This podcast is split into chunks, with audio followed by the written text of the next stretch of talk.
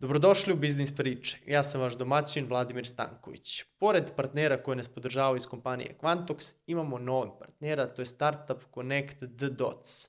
Startup iz San Francisco koji menja način na koji ljudi kreiraju i uređuju svoje profesionalne mreže. Nedavno su uzeli investiciju 20 miliona dolara i šire svoj tim u Beogradu. Sve otvorene pozicije možete vidjeti na linku u opisu ovog podcasta, a obavezno pogledajte i epizodu s njihovim osnivačem Lukom Trikićem. neko skaliranje, da i dalje neki ono To je level to, up. tako ćemo da krenemo. Prije za to.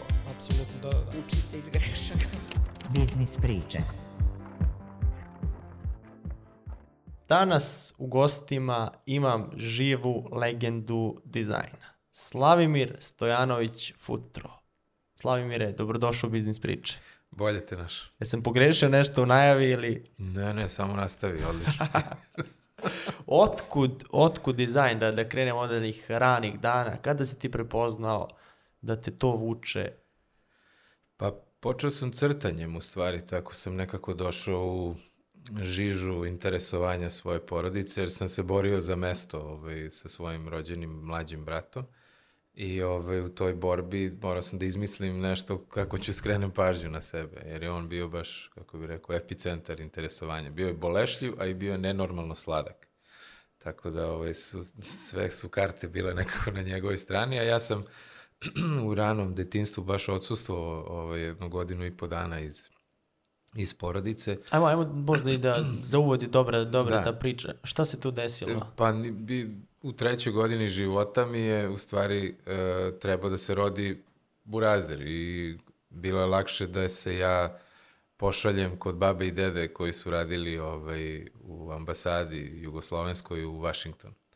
I poslali su me tamo kod njih da budem dok se rodi Neša, moj brat, i dok, dok to malo prođe, taj njegov početak života. Jer je... Sa tri godine ti samo u avionu. Ja sam sam leteo tamo, da, plakao sam sve vreme i osjećao sam se, mislim, ne znam ni sam kako se vidio sam da nisam važan. To je, to je nešto Koja što trauma, sam da. pokupio, a oni su iz najbolje namere, kao idi bre tamo u- Ameriku, tamo je fenomenalno, ima da se jede, ima kečap. Tako da, ovaj, a, našao sam se u Americi u, sa babom i dedom koji su bili jako vezani za posao u ambasadi. Deda se tu i tamo bavio sa mnom, ali ove, pričao neke priče, pravili smo lukove strele, dakle, ipak je, nije da sam bio zanemaren, ali je suština bila da sam bez mame i tate, ove, tamo negde na drugom kraju sveta, gde se priča drugi jezik i išao sam u diplomatsko obdanište koje gde sam prvi put video crnce, kineze, japance, indijance, sve žive. I nekako sam odjednom video da postoji šira slika sveta. Nije to naravno kad si mali, ne osvestiš ti to, ali ti u, se definitivno pod kožu ti ovaj, dođe taj osjećaj širine neki.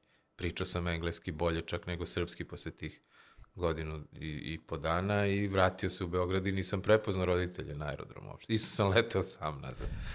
Ove, Jesi plakao sad ili... E, nisam, ne, ne, ne, na, u avionu toga se, nemam pojma, ne sjećam se, ali se sećam baš kad sam išao tamo da sam plakao strašno. I ove, nisam ih prepoznao, uopšte još ova, mama drži Nešu i, znaš, ono, gde sam sad ja tu u toj priči, otprilike je taj bio feeling i, i uvek borba, jer je sav, sav fokus bio na Burazera, I, a on je baš bio, kažem, bolešljiv. Kasnije izrastao u Deliju, ono, Megdanđiju, klasičnog mangupa gradskog, ali to, taj period kad je bio M sladak, M bolešljiv je bio, kažem, sav, sav fokus i na njemu. I ja sam onda morao da smišljam, jer sam bio pun energije. Skoro sam dobio filmove neke na, na, na onom 16 mm traci koje je ujak iskopao od negde i, i sad sam prvi put u 53. godini gledao kakav sam bio u trećoj. Znači, pola veka kasnije sam video prvi put uživo kakav sam. i Bio sam nenormalno energično dete. Trčao sam kao blesav. Sta, samo sam trčao, uopšte nije moglo da me se zaustavi. U Americi, dakle. A kad sam se vratio, sećam se da sam se učutao i počeo sam da sedim onako i da čekam da vidim šta ja treba da uradim da bi se na mene neko fokusirao. I onda je crtanje tu nekako došlo kao, ujak je crtao fenomenalno, stric je crtao fantastično, tata moj je teo da upiše e, arhitektonsku školu, imao je te estetske neke ideje u životu i znao i on lepo da, da crta i da piše još lepše. ali se nije upisao. Ovaj, to je bila njegova opet posebna trauma i, i ovaj, onda sam ja pokupio očigledno te gene da znam da se vizualno izrazim. I onda crtež jedan, crtež drugi, vidim ima reakcije, ovi kažu jao, Kome si bravo. pokazivao to? Pa mami prvo, pa onda i tati, pa onda svima. Onda sam se popao svima na glavu. Onda ja nacrtam, da bi dobio bravo, nacrtam 200 stvari nekih, gluposti nekih, ništa. To nije ni, ni, ni dobro, ni važno, nego je meni presudno da dobijem reakciju. Ljubav. I onda sam ovaj, to izjednačio sa ljubavlju, pohvalu. Pohvala je bila jednaka ljubav bez obzira što je i silovana. Ja sam to nacrto i sad idem tamo i nutka. Dok mi ne kažeš bravo, ja ne odem. I takav sam se posle formirao, u stvari, da sam celu karijeru dizajnersku, pošto se iz tog crtanja razvio ljubav, razvila ljubav prema dizajnu, koji je u stvari zbog velike frekvencije posla, takav je grafički dizajn da ti dnevno možeš da napraviš nekoliko logotipa, nekoliko, ne znam, plakata, nekoliko kataloga naslovnih strana za knjige. To može nekoliko dnevno da se uradi. Znači, ako imam, recimo, lupam, sad juče sam baš uradio tri logotipa za jedan dan, i to je tri puta ima neko fore da mi se kaže bravo genije. Znači, to je ta uzročno-posledična ovaj, kod mene. To je sad smešno, nisam više baš skroz u tom fazonu, ali ima naravno Ali da je ja to to krenulo, radim. krenulo odatle. Krenulo je od reakcije. Je te. to ono moglo za skretanje pažnje, imao si opciju da praviš gluposti pa da skrećeš pažnju na sebe, a ti si izabrao drugi neki put. Kreativni, da. Ajmo sad da se Imao dokazuje. sam sreće da nisam morao da skačem na glavu da bi neko od mene, ovaj, da bi neko obratio pažnju. Tako da sam s te strane neviđeno sam, ovaj, to je univerzum nešto me pogledao i dao mi rekao, evo ti, ovo ti je platforma roka i sad. E sad, naravno, pošto ti kad uzmeš i razmontiraš to sad na proste činioce kad si zreo čovek, onda shvatiš da je to u suštini uh, jako daleko od, od, od onoga što, jer ti dobiješ poklon od univerzuma u vidu tog nekog osnovnog talenta. Dobiješ poklon i vidiš sad, i gledaju te od ozgo kogod da je ekipa, oni te gledaju šta radiš s tim sad. E sad, ja sam s tim radio najbolje što sam umeo i uvek sam pomerao granice i gled, tražio sam još i još i još, a zaboravljao sam naravno da uživam u tom procesu, nego sam uživao samo u rezultatu. A rezultat je bio pohvala. Da. I nisam, da, samo mi je bravo bilo važno i tako se to i prelilo kasnije, to se uopšte nije, do, do pre, dok nisam dobio dete, praktično to nije prestalo. Tako, zato sam i bi, stalno bio navučen na te nagrade, festivale i to sve što sam trebao da dobijem. Pričat ćemo baš i, da. i o tome, a to što znači pomerenje granice? To znači, ok, da imaš talent, ali si sad ti radio nešto napornije od ostalih da, ili... Da, da, dođeš do, vidiš da nešto ne umeš da uradiš. Lupan, sad kad crtaš, pokušavaš u početku kao i svako učenje, znači kopiranje nečega što, što neko drugi radi ili što je već postoji. Dakle, to je jedan od osnova kako i šta može se nauči u životu, je da iskopiraš nešto. Ja sam kopirao iz prirode stvari, ne znam, nacrtam čašu, nacrtam mikrofon, nešto i što je, bolji, što je više ovaj, kako bih rekao, veran svom originalu u prirodi, to je moja veština već, ali kroz tu savladavanje te veštine ti mnoge druge stvari isto ukapiraš. Odakle dolazi svetlo, kakav je kontrast tamnog i svetlog, koji su odnosi boja tu i tako dalje. Mnoge stvari iz teorije forme, ni da ne znaš, ti savladavaš kroz to. E onda kasnije, dođe do kritičkog otklona od realnosti i počneš da imaš svoje ideje koje nisu vezane za samo interpretaciju nečega što vidiš. Nego št, razmišljaš šta sad kad bi ovu čašu okrenuo na opačke, šta to znači? Da je neko patosirao, da je prepio, da je, da je završio sa pićem, da se čaša suši, šta sve to znači? I to je mene počelo da opčinjava. Kako ja da menjam kontekst stvari ovaj, kako da im dajem nova značenja. I tu sam se našao onda u dizajnu u sekundi, jer je to je korak od kreiranja komunikacije. Iz ničega. Ali da bi došao do, do toga moraš da prođeš taj stadijum, ok, da naučiš sve to, da kopiraš, Jeste. Jeste i to je prirodno. Dakle, kopiranje je potpuno prirodno. Gledaš šta rade drugi genijalci koje ili osetiš ili ti neko drugi kaže. Ali uglavnom osetiš da je neko poseban zbog nečega i onda ga ganjaš, gledaš dokle je stigo i ubižeš se razmišljajući kako je stigo dotle. koga si ti snimio tim ranim danima? Pa uvek je bio neko ko bolje crta od mene. recimo u osnovnoj školi uvek bio jedan koji bolje, ali ja se nisam smirio dok, dok nisam crtao bolje od njega. To je, ili nje, svejedno. Ali, recimo u kući, stric koji je bio, by the way, gluvonem, ovaj, je imao strašno veliki talent da, da crta automobile. Iz glave potpuno, ne da precrtava, nego iz, iz mašte. E, to mi je bilo nedostižno u tih prvih, to baš ono, sećam se, tad sam bio peti, šesti razred, recimo sedmi, i kako to iz glave, nije mi bilo jasno uopšte. A on opet nije to ni, ni osvestio nikad, ni radi u štampariji ceo život i nije mogao da ka kaže odakle mu to. On samo kaže iz glave. I onda nema da, ne može da me nauči. I onda sam ja precrtavao te njegove crteže, a onda vidim da ujak, recimo, strašno dobro crta karikature. Znači, čovek neki kome su ispotencirane neki mane, fizički nedostaci, ili veliki nos ili uši ili tako dalje, on zna da mu uhvati karakter. I onda sam to krenuo da kopiram, onda sam prestao to da kopiram i sam počeo da crtam te druge ljude. I počeo sam da crtam motore, patike iz glave, da smišljam nove modele. To se sećam da sam radio celu, malte na osnovnu školu, taj drugi deo osnovne škole. Šta ti je bio prvi angažman tu plaćeni, da si dobio novac? Osim toga, bravo, dobio si novac zato što si radio. A, u drugom srednje sam uradio plakat za Palilovsku olimpijadu kulture na koji je, koji je bio konkursni i onda sam pobedio na tom konkursu i dobio sam neku lovu za to. I ceo Palilula na kojoj sam i živeo u Cvićevoj je bila oblepljena tim plakatima. Taj plakat je odvr... znači ne, ne postoji način da se objasni koliko je to loše, ali je bio zaigran mlad, omladinski, mladalački, imao sam tad 85, 16 godina sam imao i ovaj i lebdeo sam ono iznad 20 cm iznad naš trotoara gledajući sobstvene ove puni zidovi mojih plakata. Ja sve vreme kao, To sam ja. Znaš, kao, mislim, ljudi kao 100% znaju. Još sam potpisao se, pošto su me Slavke zvali u kraju, potpisao sam se ovoliko, na ovakvom plakatu, ovoliko piše Slavke ovde. I na, sa strane, to neko onako flomasterom. I ceo plakat je flomasterom napravljen, jer drugčije nisam ni znao. A tada, tad sam išao u, u petu Beogradsku, drugi razred, i zidne novine je crtao eh, Ređić, jedan moj, mislim, stariji malo, ali kasnije i kolega, ovaj Ređa koji je fenomenalno crtao te karikature. Stvarno je vladao i tehnikom i tuševima i tad to je bilo, nije bilo kompjutera uopšte.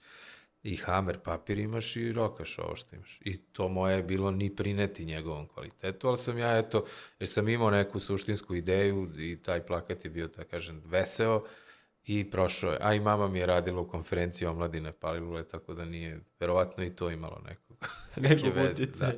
Da, i, ovaj, i, taj osjećaj da se to stoji, da je oblepljen grad sa mojim stvarima, pa vidi, ja od toga ne znam za bolju drogu za, u, tim, u tom uzrastu u životu. I gledao sam odmah gde je sledeći neki konkurs, onda je bio na nivou grada neki drugi konkurs i tamo sam poslao svoje rešenje za omladinsku političku školu Ivo Lola Ribar i, ove, i pobedio je tamo. To je bio otvoreni konkurs za, i za odrasle, znači nije samo za klince. Uh, I, ovaj, I tu sam pobedio i to je već bilo nešto ozbiljnije u, u idejnom konceptu. On se, tad sam već krenuo u srednju dizajnersku, 87. je to bilo, i ovaj, šeste, i onda sam, eto, tako nekako se potpuno navukao na... Sećam se da sam od tog honorara otišao sa mamom u Trst i kupio dva para bordo i oker starke duboke i da sam posle obukao jednu na jednu, drugu na drugu nogu i tako otišao u, u školu i kao carski, znaš, ono, kušet kola, samo tamo i nazad, da kupim i da se vratim, za toliko sam imao, to je bio honorar. Tad sam prvi put i otvorio žiro račun, dakle imao sam 16-17 godina. I tu je krenula ta priča sa, sa festivalima i dokazivanjem na nekom većem nivou, pa ćemo kasnije baš da obradimo tu mm. temu koliko ljudi traže priznanje, koliko mogu da budu i opasni ti, te nagrade, ti, ti festivali. Mm. Sad dolazimo do Švedske. U kom trenutku si opet završio inostranstvu?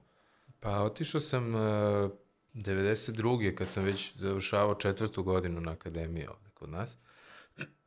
I imao sam stalno osjećaj da nedovoljno saznajem stvari na našoj akademiji, ne zato što je loša, nego je bilo loše vreme jednostavno i uh, e, profesori su bili pred penzijom većina tih mojih profesora, a dizajn je doživljavao neverovatnu transformaciju jer se tehnologija ove, je zakucala na velika vrata, počeli su PC-evi, Mac-ovi i tako dalje i u svetu pogotovo, a kod nas onako skromno, nikako da stignu. I onda ti nisi imao na faksu kompjuter, bio jedan ali nije niko znao da ga upali, pa je bio zaključen u profesorskoj sobi. Neki malešnik koji nije mogao ništa ni da radi, da smo ga upalili, ne bi znali, samo bi znali gde se gasi. Znaš, to je prilike od komandi uklj, isklj, to, to smo znali. I ovaj, onda sam morao da potražim da radim u nekom pod navodnicima dizajn studijima koji su tad počeli da polako niču po Beogradu i u stvari to su privatnici koji su kupovali sami sebi PC-eve i taj Corel Draw je bio jedini program na kome si... Mekove skoro niko nije imao to, znači pričamo 88. 9. baš davno vreme, ali onako prapočetak današnje ove tehnološke A revolucije. jel si radio tu za vreme akademije negde? Jesam u, u studiju Line of Design kod Radeta Kosanovića, koji je dan danas jedan izuzetno agilan i progresivan i, i mislilac kroz biznis i kroz taj posao, jednostavno jedan vrlo renesansna jedna ličnost, super tip. I nije mnogo stariji od mene bio, ali je otvorio vrata da i ja i Miloš Ilić i još par ljudi sa akademije ovaj, tu probamo da radimo. Tu sam naučio te neke osnove i bilo je relativno blizu akademije, tako da sam nastavljao, odem, završim na faksu, pa odem kod njega. I to me, to me, ali to je bila inicijativa do koje sam, koja me gonila iznutra. Ja sam vidio, mi smo dobijali na akademiji, recimo, časopise iz inostranstva sa dve, tri godine zakašnjenja. Nije bilo interneta, dakle, nema interneta. Jedino što komunikacija je pismom. Nema drugo. Imaš, no, no, ne znam, telegram, ako hoćeš da ubrzaš stvari. Ali u stvari, ovaj, ti pišeš pisma, šalješ radove odštampane u ko- fotokopirnici kopirane i tako se promovišeš u svetu. Šalješ u te časopise i tako. I ovaj, jedno praistorijsko doba u suštini. I tako isto sa velikim zakašnjenjem, ti vidiš tri godine kasnije šta se radilo, misleći da je to danas, a oni su već tri godine ispred. I tako iz godinu u godinu, po pet godina otprilike. Mi još ono propadamo 90-ih, raspada se Jugoslavija, propadamo u smislu pre svega kulturnog jednog, nismo imali pojma gde smo, stvarno. I to vreme je za posebnu emisiju, ali pogotovo iz ugla dizajna i kreativnosti. A, mi smo potpuno izgubili kompas i onda sam ja u tom procesu shvatio da možda mogu da odem kod ujaka u Švedsku, ovaj, koji, koji živi u Geteborgu i da probam tamo na akademiji da... A išao sam godinu dana ranije da, da ga posetim, pa sam nosio svoj portfolio i pokazao jednom profesoru koji mi rekao dođi sledeće godine, ovaj, odlični su ti radovi, dođi kod mene, upisat ćemo te odmah. Što je nenormalno, totalno. I on me bez prijemnog su me upisali, znači godinu dana kasnije, na osnovu kvaliteta portfolija. I tu sam studirao u fenomenalnim uslovima, na fantastičnoj školi. Ovaj, na klasi smo bili šest šveđanki i ja, to zvuči kao naslov nekog filma za odrasle, ali ovaj, uživao sam stvarno neverovatno tamo. I drugo, video sam kako, kako se uči u stvari. Znaš, oni, je, taj jedan dan dobiješ domaći zadatak i svih nas sedmoro uh, okačimo radove, sedam radova imaš sutradan da gledamo prepodne. I profesor prođe i kaže šta misli o svakom radu, pa svako od nas mora da kaže šta misli o svačijem radu i o svom. Znači, i ti to slušaš. Znači, sedam puta više naučiš. I onda sad, sad kad sam profesor ovde, ja primenjujem apsolutno isti taj sistem. Koliko puta više vide studenti radova, toliko će puta više naučiti. I, ovaj, I to mi se strašno dopalo i ta neposrednost da se otvoreno kaže šta ne valja kad si uradio i šta valja. I to profesor mora da strašno veliku energiju uloži da otkrije kod svakog šta valja i šta ne valja. Kod svakog rada i svaki dan. Znači, to je baš jedan ozbiljan posao. I taj čovjek, Hans Christer Eriksson, koji izgleda onako kao Deda Mrazov e, pomoćnik e, ili Deda Mraz lično, ovaj, tako jedan divan čovek i on, posle kad sam kod njega završio, ovaj, sam, mi je rekao da mu šaljem radove svake godine šta imam novo i to je trajalo dok nije umro čovek. Stalno sam mu slao svoje radove i ono da mi napiše pismo šta misli, kuda treba dalje se razvijam i tako. tako Šta je obeležilo taj period školovanja u Švedskoj? Šta je najveći utisak na tebe ostavilo i... Pa najveći utisak je taj da sam da sam video da, da donosim sa sobom neki haos Balkana, koji je prepun i pozitivnih i negativnih stvari. To je jedno razočaranje u raspad države u kojoj sam živao, koju voliš ili ne voliš, nije to sad važno, nego to je se raspalo i sad to nema više. Nema neki taj multikulturalni aspekt koji je Jugoslavija imala, koji sam ja nekako prepoznao u Americi kad sam u obdaništu bio. Dakle, imao sam taj osjećaj da, da sad ima tu ljudi koji pričaju sličnim jezicima, a ima i koje ne razumem baš najbolje, ali gledam, trudim se da okapiram i makedonski i slovenački. Dakle, bilo, bilo jednostavno, rastezalo je kreativni potencijal kod svakog od nas. Imali smo u, u odnosu na šta da se upoređujemo. Jednostavno nismo bili zatvoreni u svoju neku mikrokosmos, nego je bio, bilo šire jednostavno. I, ovaj, i, onda se, I onda se to nekako razmontiralo i napunilo se nekim ogorčenjem i besom kod, kod većine nas, moje generacije, jer smo, to se raspalo kad sam imao 22, 3 godine. 21, 2, 3, kad na samom početku praktično treba da se odskoči posle faksa, neka odskočna životna daska, a ono ništa, nemaš gde, kad može samo plafon je 2 cm viši od tebe, takav je osjećaj. I onda sam ovaj, u Švedskoj u stvari video da postoji taj minimalizam, funkcionalni, da, da, kako, kako to funkcioniše u dnevnom životu, kako oni mogu da urade, evo i ova čaša iz Ikea u principu.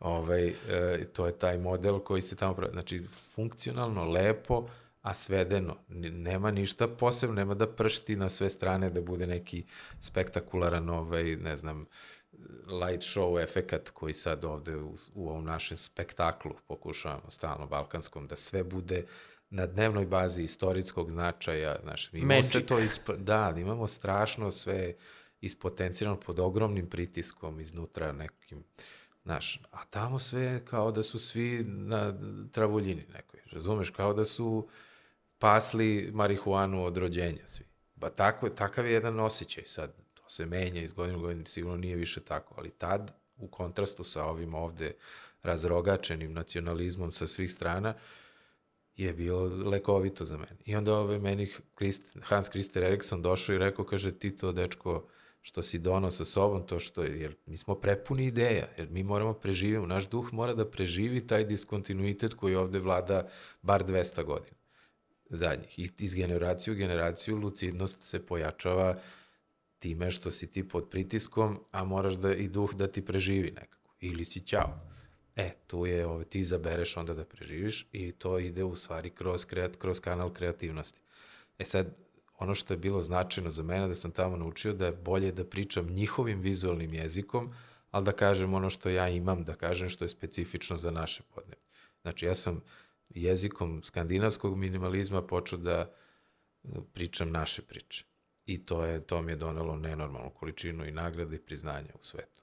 Jer je da sam pričao uporno na svom jeziku, svoje fazone lokalne, razumeli bi ljudi do Segedina ovde najdalje.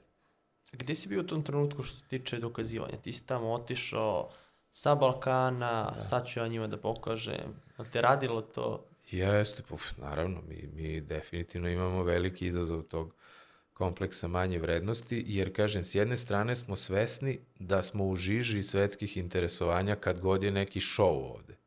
Kad god je neko istorijsko događanje na koje, koje uzdrma celu planetu, kao što je bilo sa Gavrilom Principom i Franz Ferdinandom, 14. 914. i kao što je bilo posle s našim bombardovanjima ovde u NATO u Beogradu ili naravno ratom u Bosni i bombardovanje Sarajeva.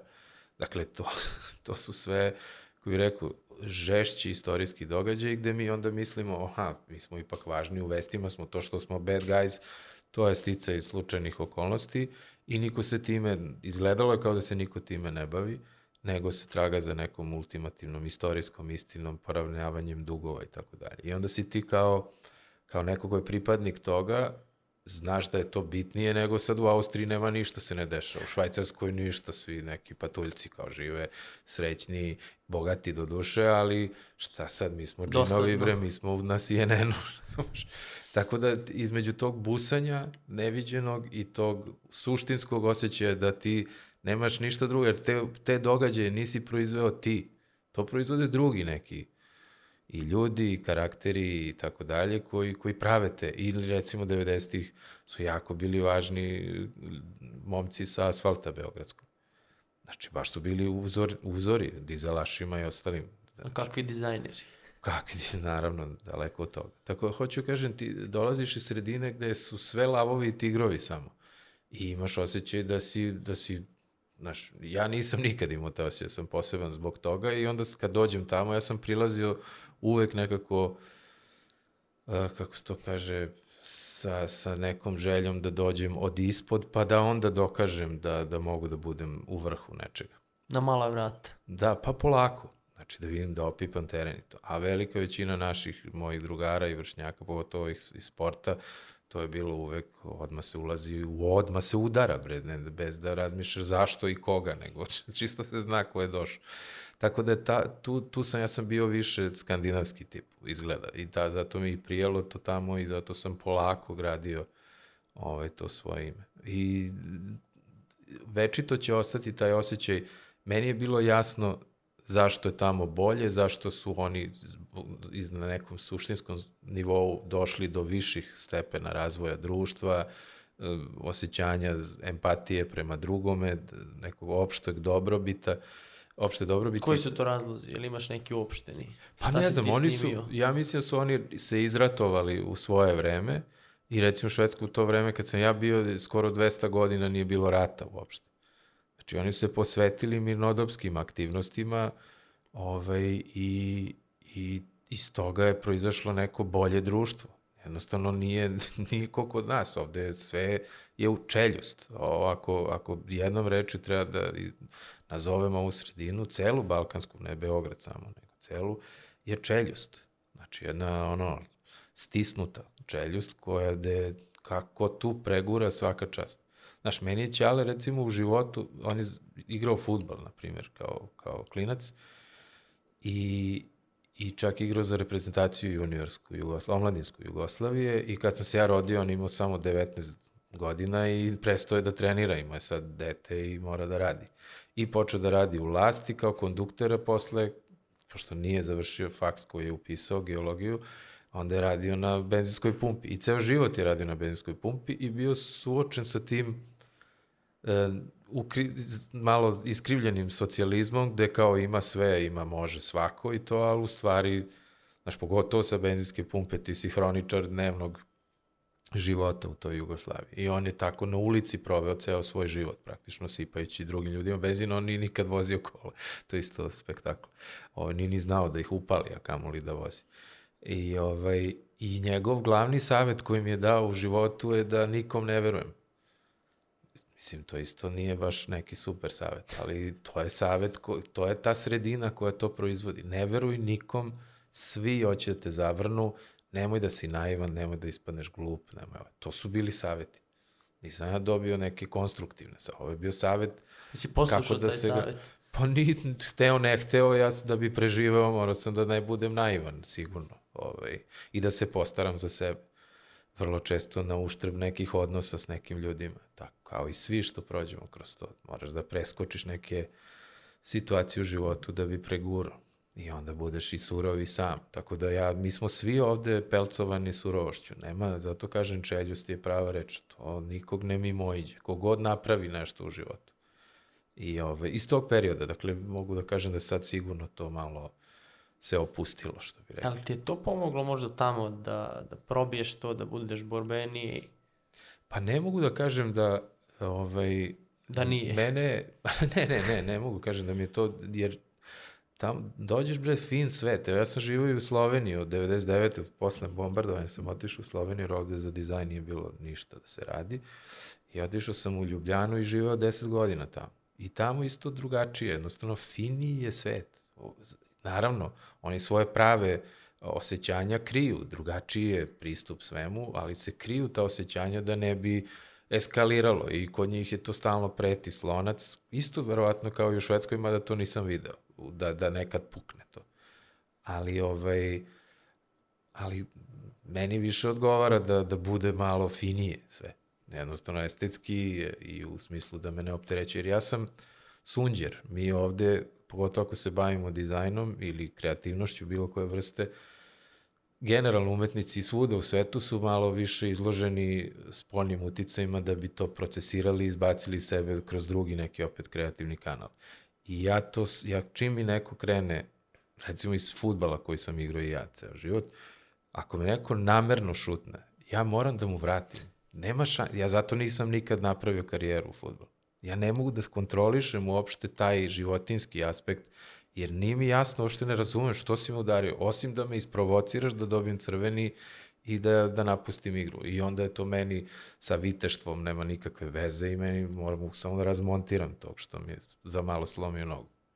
Razumeš? I, i taj, ja to neću, ja ne želim da ulazim u tu ulogu, u, u, u, u, taj svoj deo karaktera koji imam, jer sam odavde. Ili ne znam, možda bi ga imao i da sam sa Tibeta, ali ovde je on ispotenciran. I onda ovaj, tako da tu... Znaš, Odbiješ da igraš tu igru. Pa, na kraju, jako je obožavam, ali moram da, da pazim da, to, da budem dugovečan u ne, nekoj bar igri. Mislim da to traje jer je volim, pa onda hoću da se prebacim na dizajn, tu redko ima tih faulu, faulova, nema baš toliko i onda uživaš. A ti sad iz te švedske idile minimalizma vraćaš se za Beograd. Ti se mhm. vratio. Da, da, vratio. Zašto se vratio?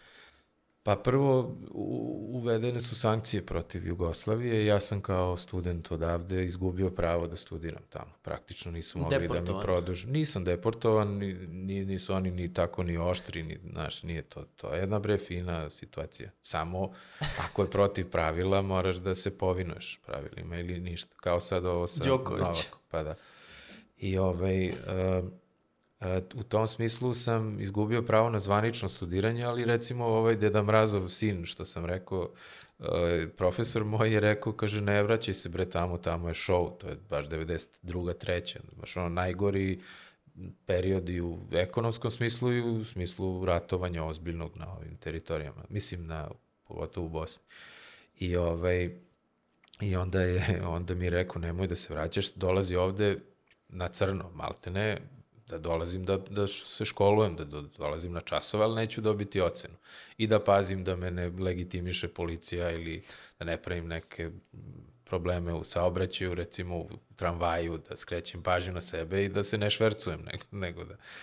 Tako sam ja izbegavao patrole i to da me ne bi neko vidi, jer se vidi da mi je istekla viza. Ne, nisu mi produžili vizu, nisu mogli, nisu imali na osnovu čega, jer fakultet nema pravo da ti izda papir ako je zakon uveden za sankcije protiv nas.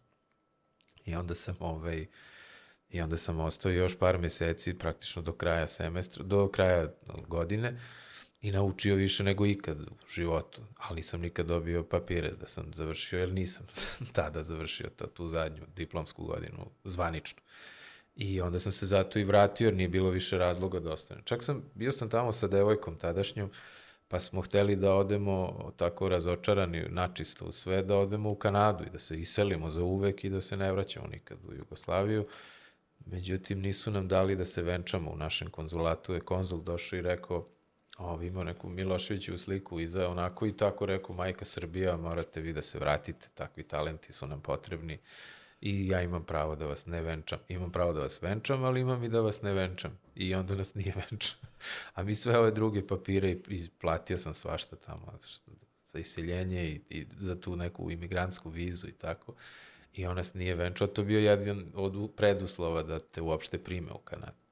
Jer si kao onda ozbiljniji i tako. I onda ide talenat se vraća kući. Bukvalno se to desilo. U stvari, usledio je poziv Dragana Sakana, telefonski našao me u nekom studiju, sam tada isto radio u, u Švedskoj, pored fakulteta, ovaj, sam i tamo nešto radio kao ma, poluvolonterski, isto sa željom da, da naučim što više. I nađe me tamo čovek, nađe me ova e, naša takozvana tetka, koja je, koja je njegova sekretarica bila godinama i, i, i u sred Geteborga kažu, e, za tebe je telefon. Ja sam taj telefon samo mami bio ostavio. I ona valjda našla preko keve i, i zove me Sakan, kaže, kad misliš da se vratiš, trebaš nam ovde. I ja rekao, šta ću da radim? On kaže, bit ćeš dizajn direktor za ceo Balkan. Jer sam ja pre odlaska u Švedsku, mesec dana kod njih malo nešto sarađivao nekom super velikom projektu i on se oduševio i rekao, kaže ti kad idi sad u Švedsku, ali kad se vratiš, znaš da te čeka posao. I onda je on ubrzo tim pozivom i drugo, imao sam, tad sam imao 23 godina, bio sam dizajn direktor za Balkance, u velikoj svetskoj korporaciji, koja naravno funkcioniše na terenu gde se ratuje, ali za, bez obzira, to je funkcija koja meni odmah nekako izgledala, aha, sad ću tamo nešto ozbiljno da radim. Jer sam vidio ovde u Švedskoj, nemam papire, ne mogu u Kanadu i ne mogu da, ne mogu da napredujem u tom njihovom dizajnerskom svetu ako nemam sređene papire. I kako je bilo u direktorskoj fotelji kad si seo? Ma bilo je super, od, odmah sam se primio, odmah sam dobio neke nagrade. U roku od godinu dana je krenula ta svetska karijera u stvari. I onda je to bio jedan privid uh, suštinski da ja u svetu osvajam nagrade, a da živim u najgorem mogućem periodu Beograda, mislim, ikad. Ne a kako da su to bili projekti? Šta si tada radilo?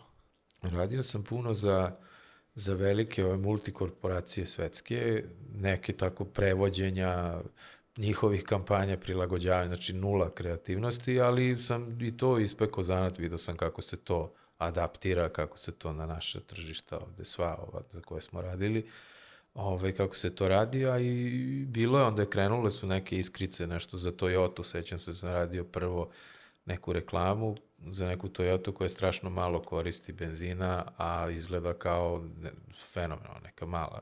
Ne, nije Toyota, Mazda je bila. I onda sam uzo na dlan, ovako stavio, napravio sam mali ovaj, kanister kao crveni, pošto je ta Mazda bila isto crvena, i onda mali kanister na ovako, i to kao, i piše, ne, nigde se ne vidi ta Mazda, nego je reklama samo ovo i ovo, zašto kao malo strašno troši Mazda.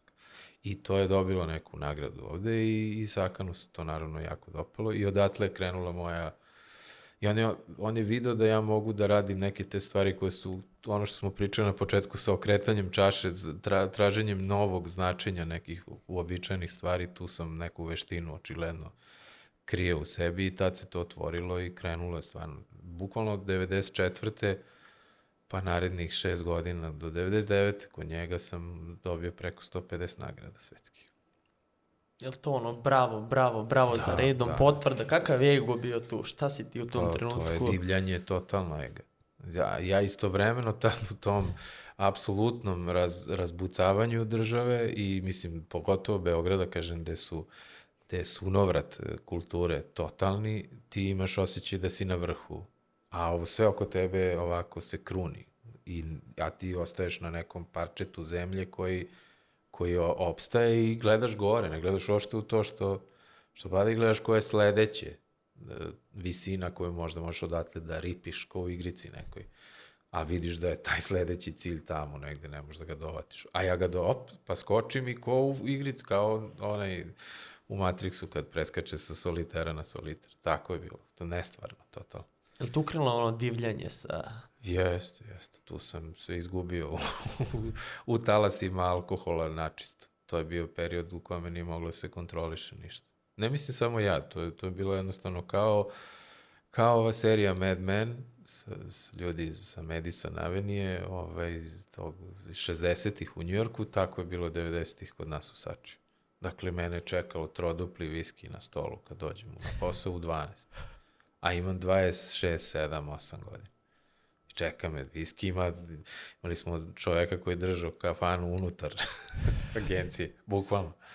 Ove, ovaj, i, I on mi je bio jedan od bliskih prijatelja tada, zato što je znao sve moje potrebe i navike. Imao si nagrade, sva moguće priznanja, dobru platu, uspešnu karijeru i šta u tom trenutku dalje da, da radiš? Osim da, da divljaš ili... Pa nije, divljaš i ostvaruješ svoje tinejdžerske snove. Gledaš... Šta su bili tvoji snovi, tinejdžerski? Pa svi, mislim, vezani su bili za hormone, ne za, ne za novčanik, sigurno. Tako da, ovaj, nažalost, nije ni jedna veza koju sam imao preživela puno, a opet e, bilo je jako puno izuzetno kratkih odnosa i veza koji su, koji su sad zabavni naravno, ali sam u tom procesu sigurno puno povredio, ovaj, kako bih rekao, ljudi oko sebe. Ali to je isto deo tog sazrevanja, odrastanja i tako dalje, koji je, nažalost, e, morao da se pregura. A zašto je morao tako da se pregura? Zato što sve vreme ništa nije bilo utemeljeno u ljubavi kod mene, nego u potrazi za ljubav. I, i ja nisam ni znao šta je, šta je stvarno ljubav, dubinski osjećaj. To nisam verovao u te instinkte koje sam naravno imao, ali nisam im verovao, pošto mi je Ćale rekao da nikom ništa ne verujem, pa ni sebi verovatno. I onda sam tako prešao u neki drugi ovaj, domen i postao sobstvena karikatura. Znaš, izdvojio sam se van sebe, praktično sam sebe gledao uvek sa strane i tako sam doživljavao da i mene svi sa strane gledaju, da me ne gledaju suštinski iznutra i da niko sa mnom ne želi suštinski ni da ima neki uh, iskren, dubok odnos i tako dalje. Što je sigurno bilo i blizu istine, jer nisam emitovao uopšte želju za konekcijom ozbiljno, nego više tako. Samo ti meni reci da sam genije i super ćemo se provesti večeras. Prilike, majke. I ortaci, svi, kogod je bio oko mene, to je bilo, žešće je bila zajebancija, stalno je bilo smenja, to je bilo, kažem, zaliveno hektolitrima alkohola, ali je to bio period kad je to fizički moglo da se izdrži i kad i to možda i treba čovjek ako ima te porive i nagone, kad treba to da iživi i da bi znao ko je na kraju, ali... E, se lupio glavom u tom periodu? Pa kako da ne? Mislim, meni to je moralo da se neko, desi. da. Pa da, pa kad sam otišao u Sloveniju, realno se to desilo. Kad sam promenio sredinu, Čekaj, zbog čega si otišao? Zvao ti Sakan tamo? ugasila se, da, ugasila se lampica ovde sa bombardovanjem 99. Nije bilo više posla uopšte u Srbiji i onda sam otišao da u Sloveniju da, da, da dovršim neke projekte koje sam radio za Sakana. Inače, to sam tamo odradio, ali onda sam vidio da, da mi se nude velike pare kod drugih agencija, pa sam prešao prvo u Compass Design, pa kod Ariha, u Arih Advertising i onda sam napravio svoju firmu u roku dve, tri godine. Tad sam već dobio slovenačko državljanstvo i sve. Tako da sam nekako sleteo na zemlju, prizemljio se i počeo da radim za realne i klijente i da drugčije doživljavam to da ne da minimalno učestvujem na takmičenjima, koliko da održim, da kažem, kreativni neki impuls kod sebe i da, da medijski budem prepoznatljiv s tim nagradama i dalje, ali ne da mi to bude glavna motivacija. A naravno da me onda privatno sačekalo ovo sve što sam odlagao da se sa sobom emotivno ovaj, suočim, presto sam tamo i da pijem, onda jednostavno... Niste imali kafanu? Sam bio isti taj čovek. Pa ne, imao sam kako ne. Ba, A ne, ne, bilo u, u okviru firme. Ni, da, da, nije bilo toga. Ali ovaj, je jednostavno bio drugi, drugi drive. Počeo sam da uviđam koliko ne znam. Koliko nemam pojma o tržištu, koliko ne znam ništa o klijentima, koliko sam samo radio elitne projekte za nagrade. A ovaj, tamo sam stvarno naučio da, da radim dizajn. Deset godina sam tamo se zadržao da, da bi stvari mnogo više naučio nego što bi ovde naučio tada. U toj igri sa, sa nagradama, ajde da se vratim još, Mhm. kad si bio u Beogradu, ok, prva, druga nagrada, idemo dalje, idemo dalje, jel postoje neki krajnji cilj gde ćeš se ti zaustaviti s Ne. tim nagradama ili je to samo gorivo da, da idemo dalje? Šta te motivisalo tu? Nema, krajnji cilj je e, da svi ničice padaju i da kažu koji si ti genije čoveče. Svaki put kad te vidi neko da to izgovori. Ako to ne izgovori, ti si promašio taj dan skroz. To je konstrukt koji ne, ne, nisi lud da ti smisliš to, ali tebe sve vodi, sve tvoje aktivnosti vode ka, ka tome. I onda se ovaj, ultimativni cilj je bio da budem deo tog nekog udruženja velikog svetskog dizajnerskog, ovaj, koje je baš elitno u smislu da mora sa tri kontinenta da te predlože ovaj, ljudi da, da, da bude član toga, niko te ništa ne pita, nego to se podrazumeva da ćeš želeti da budeš toga i to tra, mislim da je 70. Kao godina. Nobel za dizajn. Pa praktično, članstvo u tom udruženju je stvarno vrh karijere svakog dizajnera i imaš godišnje konferencije, proputuješ ceo svet, znaš, vrlo je, vrlo je specifično i fenomenalno. I mene predlože, to imao sam 36 godina samo i istovremeno sam imao izložbu neku veliku ovde u Beogradu, a živao sam u Ljubljani, u Bezistanu sam imao ovaj, baš veliku izložbu koju je videlo 20.000 ljudi, koja je prošla fantastično i, i ja sam bio na vrhu i lokalno i globalno, jer ovi su me predložili, u Helsinkiju je ovaj, taj događaj, ta konferencija na kojoj se onda pročitaju novi članovi, niko nije nikad primljen pre 40. godine, meni se desilo sa 36 da me predlože I dođem tamo i družim se s njima tri dana i četvrti dan je to proglašenje i oni me ne pročitaju. Jednostavno u spisku pročitaju neku dvoje drugih ljudi, jer se samo po dvoje, troje godišnje primalo. I, ovaj, i meni, ja se razbolim, bukvalno. Jer taj, to nisam... Napad na ego i to... to je rušenje svega što sam gradio tih godina, svega što je u stvari bilo građeno na potpuno pogrešnim osnovama. Nije građeno iz du, dubinski, nego sve je s površine, sa želje za dokazivanjem i samo sa, za reakcijom, a ne za suštinskim i znanjem i emocijom i svim što, što treba da nosi ovaj, ta vrsta kreativnosti. Tako da ovaj, sam ostao da ležim u hotelu narednih 5 dana. Nisam mogu da ustanem iz kreveta uopšte. Iako sam trebao tek sutradan već da idem, ja sam ostao otkazao letove, javio ovima u svojoj agenciji u, u Ljubljani da ne mogu da se mrdnem. I stvarno sam, ono, ovaj, nisam ni pio, ni ništa, sam sam ležao i, i ćuto. I vratio se tako polomljen skroz, sam pre, presamitio sam se stvarno načist. I jedva sam posle smogao snage da odem u New York posle dve godine, da odem u New York i da probam ponovo da, ovaj, da se aktiviram na tom planu. Prestao sam da se takmičim na svim mogućim te festivalima, sve. I do, danas nisam, prestao sam sve. Mislim, dobijem ja tu i tamo neku nagradu, ali ne zato što sam ja poslao radove, nego neku drugi klijent pošalje umesto mene ili tako, pa onda dobijem nagradu. Ali ništa.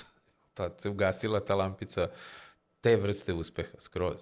I onda sam se posvetio drugim stvarima. Otišao u New York, video da tamo mi treba ponovo sve da prođem isto, kao u Beogradu i u Sloveniji, i zato tad nisam imao snagi. I, ovaj, I drugo, počeli su drugi neki prioriteti, shvatio sam koliku rupu i prazninu nosim u sebi sa tim neispunjenošću tom sa ljubavlju. I onda sam našao ljubav, očigledno. Kad sam priznao to, tad se i otvorilo, onda, onda sam moju volju upoznao i I oženio se vrlo ubrzo posle, dobio dete i sav život se na glavačke okrenuo u najpozitivnijem mogućem smislu. I nastoju da dobijam razne druga vrsta životnih onda priznanja koje su dolazila sa pravog mesta, a ne sa nekog izmišljenog.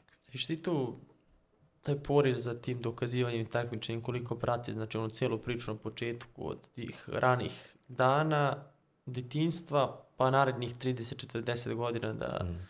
da je taj poriv da nikako ne jenjava. Da je, pa to je zato što je stvarno. Zato što ne znaš za drugo. I juriš taj da za, zadovoljiš tu svoju konstrukciju. To te ganja iznutra, nema to veze s tvojim proračunatošću nekom. Jer ja, kao što bi rekao moj čale, super je, nisi ti naivan. to, tako, to je naj, ultimativna pohvala koju mogu od čale da dobijem, je da nisam naivan.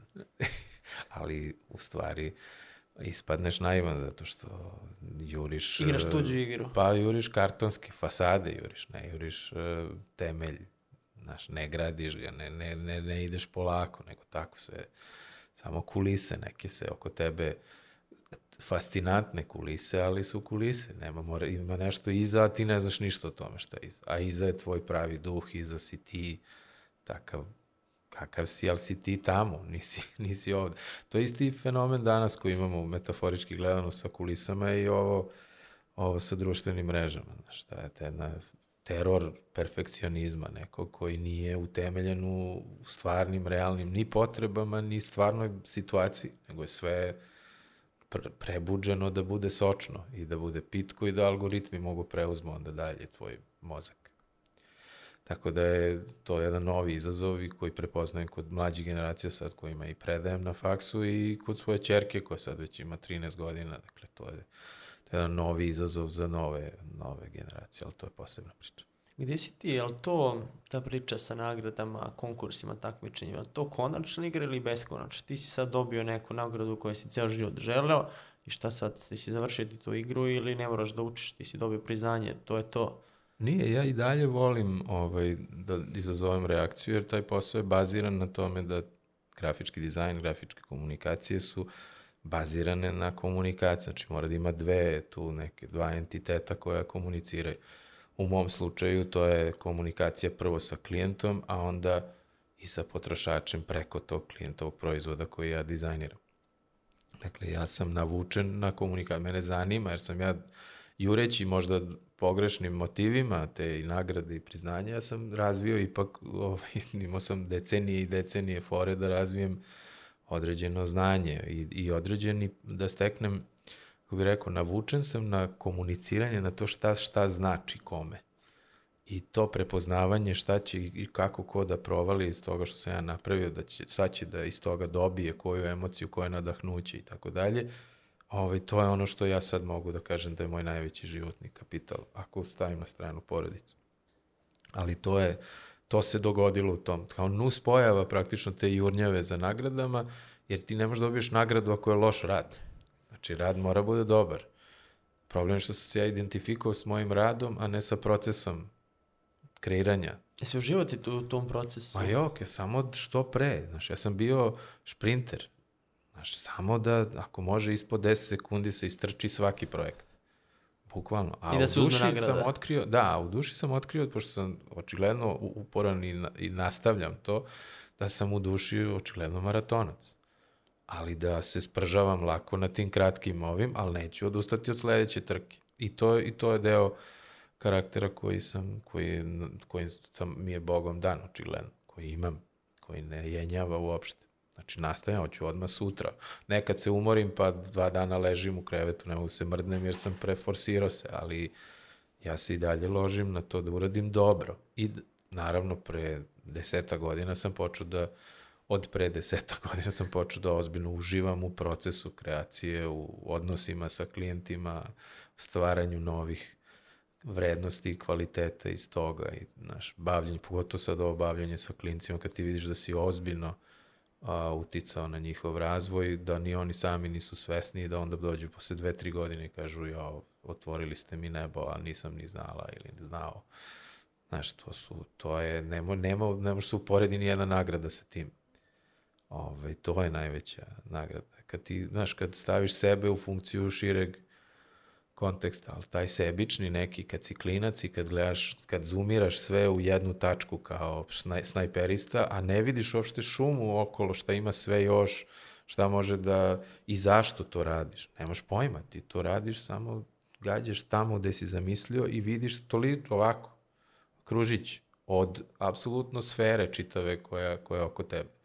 I u stvari sazrevanje proces širenja tog kružića do kraja, do te, da vidiš celu sliku i svu uzročno posledičnost koju mi kao biće na ovoj planeti u ovom, rekao, obliku možemo da, da dohvatimo. Ima mnogo dalje, naravno, što ni ne znamo, ali ovo što možemo je u stvari ultimativni sistem sazrevanja je sposobnost sagledavanja široke slike. Ali vidiš, trebalo je 30 godina da bi skontao šta ti želiš i šta tebe radi. Neko bude zreliji kad je mlad već. Neko bude obliven ljubavlju od detinstva, a što najluđe, ja sam isto bio, samo nisam bio sam imun, nisam video to. Ja sam ja sam to, kako bi rekao, tek kasnije, ja sam napisao čitav knjigu, sam morao napišem da shvatim da je ljubavi bilo uvek oko mene, samo ja nisam znao kako da s- zbog te traume sa avionima iz detinstva i Amerikom, kako da to ošte prihvatim da je to bila ljubav u stvari. Šta bi bilo da si ti to, da tad nije bilo, da kažem te Amerike, avione, da je sve bilo bezbrižno, Da. ravna linija, da li bi bilo danas ovoga ili bi ti radio neki prosječan posao, Da. bio prosjek u svom, svojoj profesiji? Veliko je pitanje uh, kad god raspravljamo o tome šta je glavni uh, s, uh, kako bih rekao, uspeh u životu, pogotovo kod mojih uh, studenta, kad, pošto ih ima puno talentovanih, a vrlo malo stvarno naprave nešto kasnije naprave ozbiljne karijere, šta je to što ih odvaja? Jedna reč je isključivo najvažnija, to je motivacija, a demotivacija tu je i neodustajanje. Te dve stvari su ove, vezane jedna za drugu. I svako ima, svaka zmija ima svog mungosa, što bi rekli. Dakle, svako ima svoje razloge zašto hoće da uspe, da radi, da bude bolji, da od ono. Znači, to, to je stvarno individualno. Ti si imao dokazivanje. Ja sam imao taj konstrukt, ali sam morao da ga transformišem da ne bi bio hodajuća karikatura do kraja karijere. I, I to sam osetio. Znači, samo zato što sam video širu sliku. U nekom momentu sam video. E sad, malo je predugo to trajalo, ali je sada super u tom smislu. Sad, je, sad to liči na nešto što sam sanjao od uvek. Znaš, da svako jutro odem na posao naložen na to šta ću taj dan da uradim, a ne šta će da mi to donese. Tako da je to isto ima i veze sa, i sa biznisom kako ga sada vodim. Dakle, nije više ono da, što kažu, zaseješ seme pa sedneš i čepiš ovako pored i gledaš kad će da poraste drvo iz toga. Znači, možeš da se ubiješ momentalno, jer vrlo često se desi da ništa ne nikne, da nema dovoljno ili da si previše zalivo ili da nema dovoljno vode ili čega god. Nego je fora u tome da svaki dan zasadiš bar po jedno novo seme i da kasnije, posle par meseci, se vratiš da vidiš sa onom prvim šta je bilo i tako dalje. Da, da prestaneš da brineš na tom dnevnom nivou o svakoj stvari i da uživaš u procesu sađenja. Eto, to je, da to je zanimljiva metafora. tema, zanimljiva tema zato što umetnici generalno se krize toga, pa ja sam umetnik, e, nisam dobar u biznisu, marketingu i ja ne mogu da, da uspem. Da. Ti si neko iz tog sveta koji je razvio i taj, tu biznis stranu i tu umetničku stranu i od toga napravio uspeh. Jel moguće samo, ja sam super umetnik ili super dizajner, ali niko ne zna za mene i šta sad? Jel moguće to da se napravi nešto?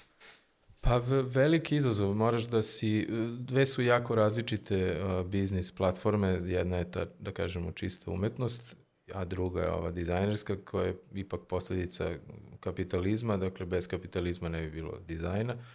Uh, I on podrazumeva da postoji onda i tržište i tržišna ekonomija i sve ostalo što ide uz, uz uh, sinonime šta je to uspešan dizajn ili dizajner ili dizajn studio i tako dalje. Dakle, vrlo su, jasna su pravila i parametri. I nije sve bazirano naravno na novcu, ima i tu jedna aura koja se kroz to razvija i koji onda ti vremenom kad sa, si majstor svog posla, onda ljudi kod tebe dolaze zbog toga i znaju da ćeš usaditi taj deo neopipljiv ovaj, da usadiš u taj brend.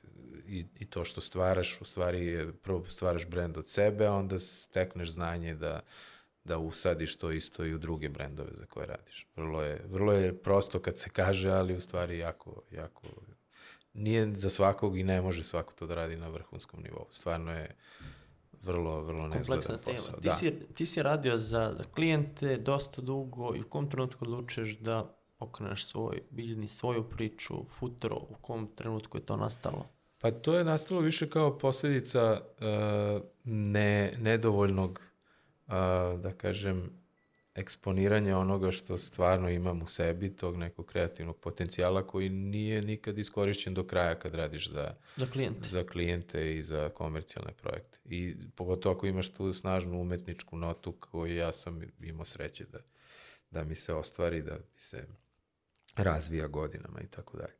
I onda sam vidio da taj umetnički deo karaktera svog mogu da prebacim u jezik masovnih komunikacija koje ljudi razumeju, ali više kao neki otklon od realnosti, više kao neki stav sa kojima puno ljudi može da se identifikuje. A to su ti neki natpisi, da li na majicama, da li na plakatima koje bi okačili kod sebe u kuću, koje su negde između motivacije i, i nekog stava prema svetu. I, ovaj, I to je onda krenulo malo po malo i sad se pretvorilo u ozbiljan posao. Ima tu ono, za par, za par meseci sad već imamo 11 zaposlenih ukupno. Tako da baš, kako bi rekao, raste kao, kao posao i pre svega smo stvorili kvalitet koji, na koji ljudi re, reaguju. I nema, nema drugog pravila tu. Ne mogu da kažem da sad je samo pitanje kako ću to voditi dalje, da li ću zaposlim nekoga ko, ko je business oriented, neki menadžerski profil ili ću to tako naivno, amaterski, kako najbolje To znam. pričaš o delu sa, sa prodajem, shopom. Da, ili? da, da, da, da. Recimo, jer su to vrlo različite biznisi, ovaj, prodaje nešto deseto u odnosu na ovo kada, kada radim grafički dizajn i kada prodajem neku vrstu kreativnosti. I ovde isto prodajem kreativnost, ali na proizvodu koji treba plasirati na tržište. Šta znači naziv? U kom trenutku je nastao to futuro? Skraćenica od future i retro. Od momenta kad sam shvatio da ne treba da živim u prošlosti i da se sećam kad sam bio ovaj, mladi lep ili kad sam bio ovaj, skot prema nekim ljudima. Znači, vidio sam da prošlost moram da ostavim za sebe kakva god daje, a isto tako sam morao da prestanem da živim u budućnosti koja nije realizovana, da živim u snovima kak, šta bi bilo kad bi bilo. I da moram da se koncentrišem na današnjicu. Znači, futro je sad, između future i retro, dakle između prošlosti i budućnosti. Život u ovom datom momentu, osvešćenje tog trenutka i davanje svog maksimuma u tom trenutku. Ti si tu u Sloveniji krenuo da, da praviš svoju, da kažem, agenciju Design Studio Da. i da klijenti direktno rade sa, sa tobom. Je to ono da bi imao više slobode u radu s klijentima, ali šta je bilo to? Mogu si da radiš za agenciju, dobro si zarađivao, šta je bio tu motiv? Pa motiv je bio da, da budem gazda svoj u smislu vremena, raspolaganja svojim vremenom. Nisam hteo da radim negde gde mi neko kaže koliko ću da radim i šta ću da radim. To je, samo mi se upalila ta lampica i više stvarno od tog momenta nisam mogao da, da radim u drugim nekim kompozicijama gde ja nisam bar suvlasnik, što bi rekli. Ali ovaj, i to isto ne može baš svaki put u životu da vam se ostvari. Meni se desilo da sam tu svoju firmu imao skoro 10 godina i u Beogradu i Ljubljani, pa su obe propale zbog, zbog toga što su se klijenti povukli 2009. skroz iz, iz tog posla. To je bila firma Futuro, je li tako? Da, da, Futuro i u Beogradu i u Ljubljani. Design studio. Da, da. I, ovaj, I onda sam zatvorio, dao sam 14, nas je bilo zaposlenih, 7 u Beogradu, 7 u Ljubljani i svi su dobili otkaze u jednom danu, preko noći pra, praktično, jer su prestali da nam plaćaju klijenti, nisu od, svoje obaveze ispunjavali zbog te, pod, navodno, pod, zbog kreativne, zbog te krize. ekonomske krize, a ja sam ovaj, onda uzeo kredit na, za dva meseca narednih da imam para da, nešto sam uzeo 20.000 eura recimo, i, ovaj, i taj kredit sam otplatio tek pre, prošle ili pretprošle godine, ne sjećam se tačno. Znači 10 godina sam ga otplaćio umesto dve koliko je, koliko je trebalo sa svim kamatama i onim. Znači baš jedan, napravio sam gimnastiku koja za dizajnera nije, nije uobičajena, pokušao sam, dao sam stvarno sve od sebe i pucao sam sebi u obe noge, što bi rekli, i ostao bez posla. Praktično sam šest meseci, nisam dobio ni jedan posao. Radio sam, ništa nisam radio. Nešto, imao sam neke projekte koje su bili naručeni ranije iz Ljubljane, završio ih u tih šest meseci odno da pokažem i oni rekli odustali smo od projekta. Znači, baš ono, a trebalo je da mi, da mi to zakrepi opet tih šest meseci. I gde Znači, tebi jedan- tu motivacija? Gde, gde si Pa da radio u tom trenutku? Nema, gde tebi motivacija uopšte da, da nastaviš sa radom? Znači ušao si, propao biznis, šta ja dalje da radim? Pa ne znaš, e, ne znaš drugo. Da se zaposlim. Pa zaposlio sam se, na kraju sam morao da, da napravim taj ultimativni greh prema samom sebi i zaposlio sam se onda u agenciji Komunis kod, kod Ivana Stankovića, do duše kao partner u dizajnerskom delu te agencije, nisam baš bio samo puki zaposleni, što bi rekli, ali to je bio nenormalan udarac. Ne toliko na ego, jer sam sa Ivanom fenomenalno sarađivao od uvek i on mi je i dalje ovako stariji brat sa pun nekih podrške i saveta. Ali ove, nije mi bilo ni malo dobro zbog toga što moram da radim negde gde nije moje sve. I to sam četiri godine radio, nije to bilo dva meseca. Nego to četiri cele godine prošlo tu. I tad ništa nisam specijalno kreirao u smislu nekih dostignuća kreativnih, jer su projekti koje su se tada tamo radili bili, nisu iziskivali neku nešto što ja znam da radim, nego više sam figurirao kao neka vrsta eminencije sive kreativne kad dođe na sastanak pa potvrdim da je nešto dobro što smo uradili. Klijent kaže evo i Slavimir kaže znači da je dobro. Znači, otpri, bukvalno to ja sam bio pečat kvaliteta, a ne neko ko proizvodi. I, i to isto trebalo da, da mi se desi, da shvatim da imam i tu auru, da mogu to da budem konsultant, ali da u stvari osvestim da sam ja rođen da kreiram, da, da ću doživotno kreirati praktično, da to moja pozicija, a ne da se krijem iza rada drugih ljudi na neki način e, u želji da budem što moćniji finansijski ili lenj ili šta god već, kako god ljudi to doživljavaju. Iako je to ultimativno u biznisu, je, znači imaš biznis onda kada biznis radi za tebe, a ti nemaš veze s tim, ali te ne samo jednom nedeljno nešto pomeriš katarku.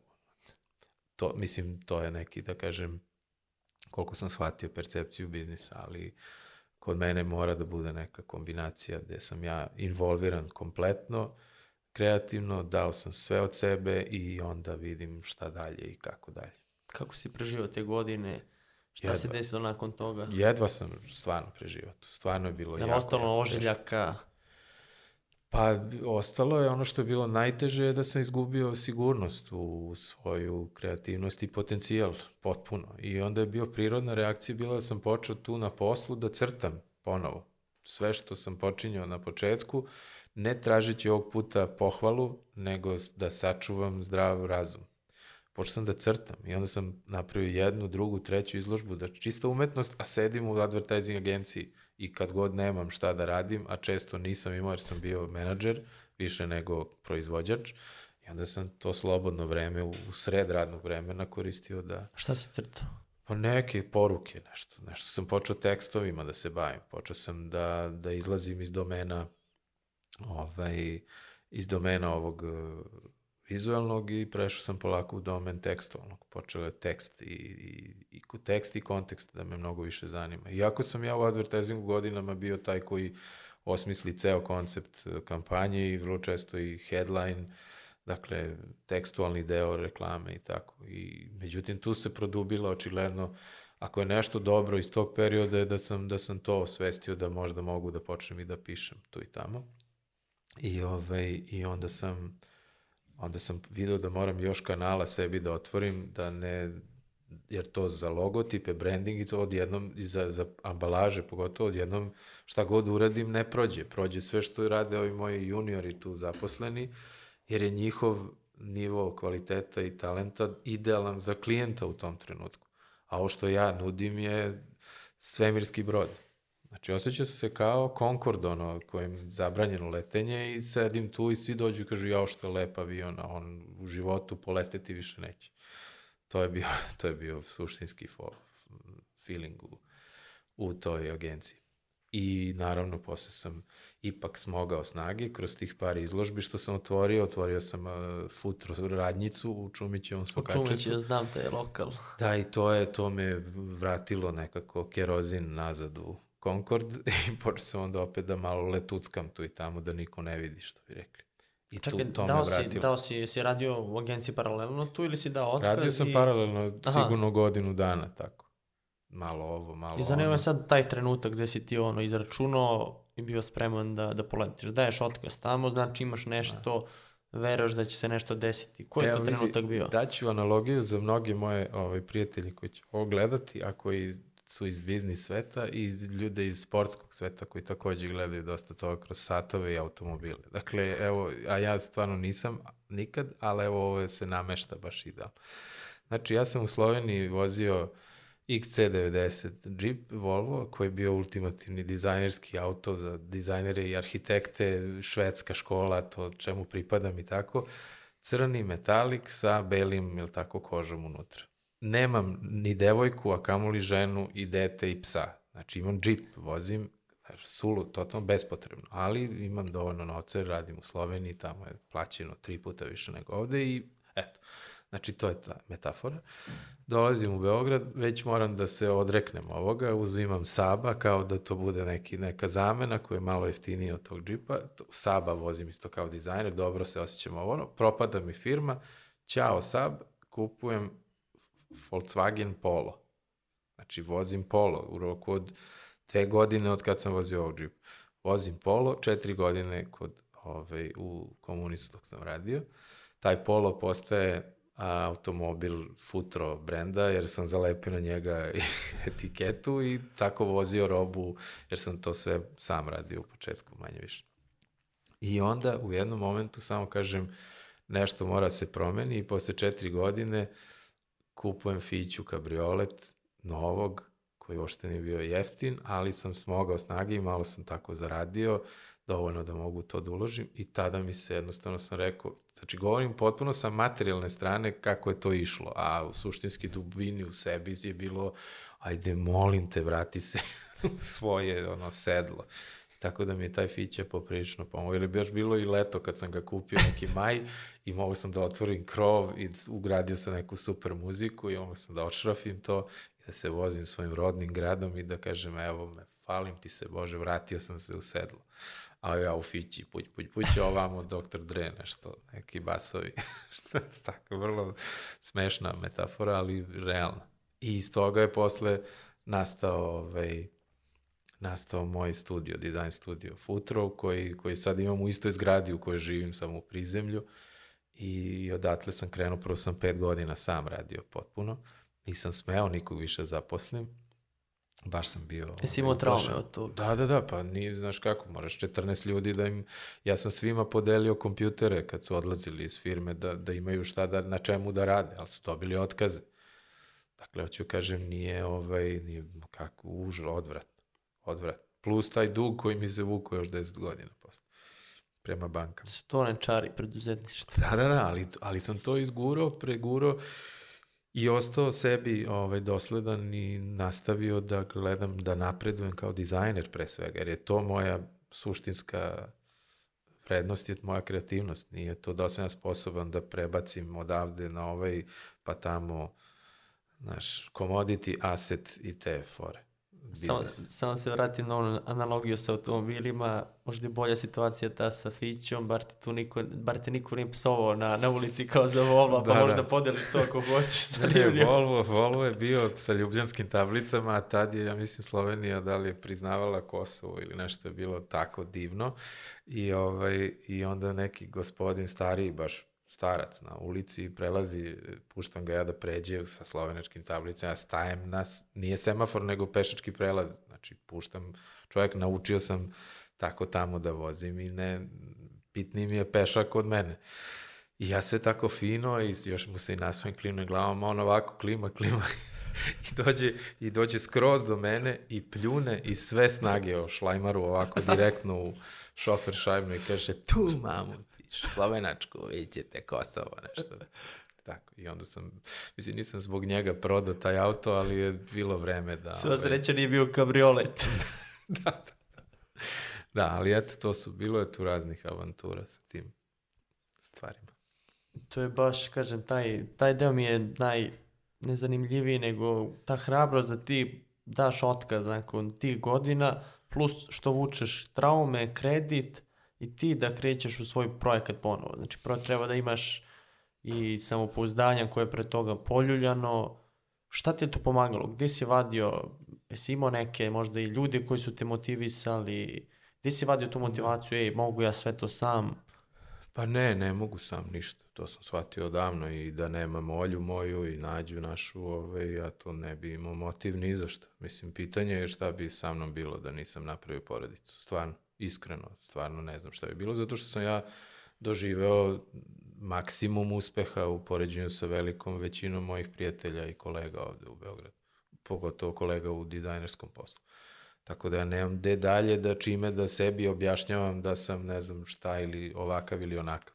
Ali u stvari šta se okrenulo kad si ti vizuru sa sebe prebacio na dete ili na porodicu, u tom pomeranju nišana, vizure životne, se desi to da shvatiš ko si u stvari i u čemu u stvari uživaš. Ja u stvari uživam u tome da dobijem novi projekat i da opet nekog fasciniram, ali, fasciniram, ali ne, ne radim to samo da bi dobio bravo nazad, nego zato što znam bre to da radim, baš sam dobar u tome i sve sam bolji. To je, to je ceo, ceo štos. To je, mora da se ložiš na to na najtečiji mogući način koji, koji možeš. Da ti, da ti dolazi sa pravog mesta taj poriv. Jer je isto imao sam periode kad mi je poriv dolazio, pogotovo u Sloveniji, kad sam vidio da mogu da zaradim 20.000 eura mesečno. Da mi ostane od studija u kome radilo 7 ljudi. Znači, onda sam rekao, o, ja ću sad za pare sve ovo da radim. Ne moram baš da sam stalno naložen na projekat ili ne znam, da se ložim na kreativnost. Jel to na naplatu dođe, ok, novac loži, to radi, do koje granice to, to ide? Kad prestaje da, da ne loži? Znam, ne znam, ja, meni novac je vrlo važan, kao i svakom ko nešto živi i radi pošteno, ovaj, vrlo je važan, ja ga neviđeno poštujem, ali i se i njemu, prema njemu odnosim vrlo često nonšalantno u tom nekom smislu. Meni on stvarno služi da ostvarim svoje snove i pogotovo kad stalno stavljam u taj kontekst da sam možda trebao da živim u Njujorku i da budem na vrhu te neke svetske piramide, stvari su se umeđu vremenu strašno relativizovale zbog i društvenih mreža i tehnologija povezivanja. Danas, evo sad sam uradio jedan fenomenalan projekat u Montrealu za Kanadu, za njihovu operu tamo, ili recimo radio sam fashion brand u Njujorku, koji je u Njujorku, postoji, zove se we, uh, Where4, w-e-a-r-4.com, mogu da pogledaju gledoci. Dakle, uradio sam vizualni identitet za brand koji, koji su osnovale žene koje su radile u, ne znam, uh, Kate Spade ili u Armaniju ili tako, tu su bile kreativne direktorke, CEO-ovi i tako dalje. Četiri žene su se skupile, neviđeno moćne i uspešne i one su do mene došle opet preko nekih ljudi za koje sam ranije radio u Njujorku. Uh, hoću kažem, ne, nemam osjećaj da nisam deo nekako svetske scene. Nije ostala žal. Pa žal postoji zato što je to jedan nevrovatan grad, pa onda mi je žao što nisam češće tamo, ali, ali ovaj, inspiraciju ne crpim odavno iz tog eh, konteksta drugog zapadnog ili nečega, nego baš naprotiv, sad mi se stvarno vidim da sam, da je sva inspiracija u meni i u mom neposrednom okruženju. Dakle, ja sam New York tu gde sam ja. Nije, nije New York tamo negde. Iz mog nekog opet perspektive. Nije to sad zvuči kao da sam napravio sebi neki konstrukt odbrambeni od New Yorka, nego naprotiv, ja radim tamo vrlo često projekte koji su relevantni i tamo. Tako da nemam osjećaj da sam zakinut nešto posebno, možda što ne mogu da gledam koncerte nekih bendova, ne znam, ili ozbiljno, eto, to su na, na kulturnom i estetskom nivou možda bi radije bio češće tamo negde. Priča je zanimljiva vezana za fakultet. Malo pre smo pričali da nisi uspio tamo da završiš i ti pod, da kažemo sad, stare dane odlučuješ da završiš fakultet. Da. Šta je tebe tu motivisalo? To je na društvenim mrežama nešto ušlo u viral. Jeste, jeste. Bilo 60.000 lajkova na, na Facebooku. da, da, nenormalno. Ovaj, pa to se desilo tako što ja nisam, dakle, završio tad u Švedskoj kod Eriksona i ovaj, tako što sam što, što sam u principu, šta se desilo, dobio sam nagradu za životno delo, a dve nedelje kasnije sam diplomirao. Dakle, tu, to je jedan, ovako da kažem, zanimljiv. I onda sam povodom toga objavio taj... Uh, pro, uh, Šta je pisalo tu? Pa da sam završio faks uh, posle dobijanja nagrade za životno delo iz iste te oblasti praktično, a onda sam tu objasnio par stvari koje zašto je do toga došlo, kao što je to što nisam jednostavno mogao da završim u Švedskoj, ali ja sam ponovo upisivo faks i u Beogradu i čak i u Ljubljani dok sam živio u želji da ga napokon završim, da to stavim, jer jednostavno moji roditelji nisu završili svoje fakultete jer su mene napravili. Moj burazer isto, Mangup, eh, gradski nije, nije upisao, ne znam, ono, ni srednju školu, nije baš zaokružio. Tako da, ovaj, um, na meni je nekako bilo da za sve njih zajedno završim tu visoku školu. I taj motiv je bio vrlo moćan, ali nije zbog pritiska velikog ovih poslova nikako da se desi. I onda sam na kraju 2000 ovaj, osme upisao i onda mi umre mama i praktično u istom danu mi se rodi čerka. U roku od nedelju dana. I, ovaj, I onda tek nisam mogo ništa. I onda u stvari tek kad je dete nađe, kad je počeo da puni svoju knjižicu ocenama, ja sam kapirao da nisam ovaj, svoj san od, od sanju do kraja. I kakav sam onda ja to primer za čerku. Dakle, da nisam dobio čerku, ne bi završio faks. Sigurno. I onda čim sam se upisao da odradim tih desetak ispita koliko mi je ostalo, ovaj, se pojavila i mogućnost da ako završim i posle još i master dam ovaj, u narednoj godini da mogu da konkurišem da budem profesor. Tako da se te dve su se ambicije spojile. Od uvek sam teo da budem profesor, da bar gostujem ako ništa drugo. I gostovao sam na raznim fakultetima i vidio sam da mi to, ne samo da mi ide, nego da mi je to u stvari jedan od najjačih trenutno ovaj, životnih uh, motiva. Da deliš znanje. Pa da, da imam, malo sam radio, što bi rekli na tome. imam šta da kažem. Ove, ovaj, I nisam od ovih što što, što ih mrzi da, da se otvaraju svako malo studentima i da, da štede za sebe u nekoj borbi za konkurenciji na tržištu. Ja kad sam studirao, bilo je u fazonu, nemoj da mu pričaš, bre čovječe, šta, kako, uzet će ti posao. ne veru nikome, ne da, pričaj. Da, ne, tako je, to je bilo okruženje. Ali dobro, menja se situacija. Pitao sam te to baš za, za fakultet, jer je to jedna tema koju provlačimo često. Prate, mnogo mladih prati, ljudi koji su, to jest omladinci koji su pred upisom i onda je ona večna dilema.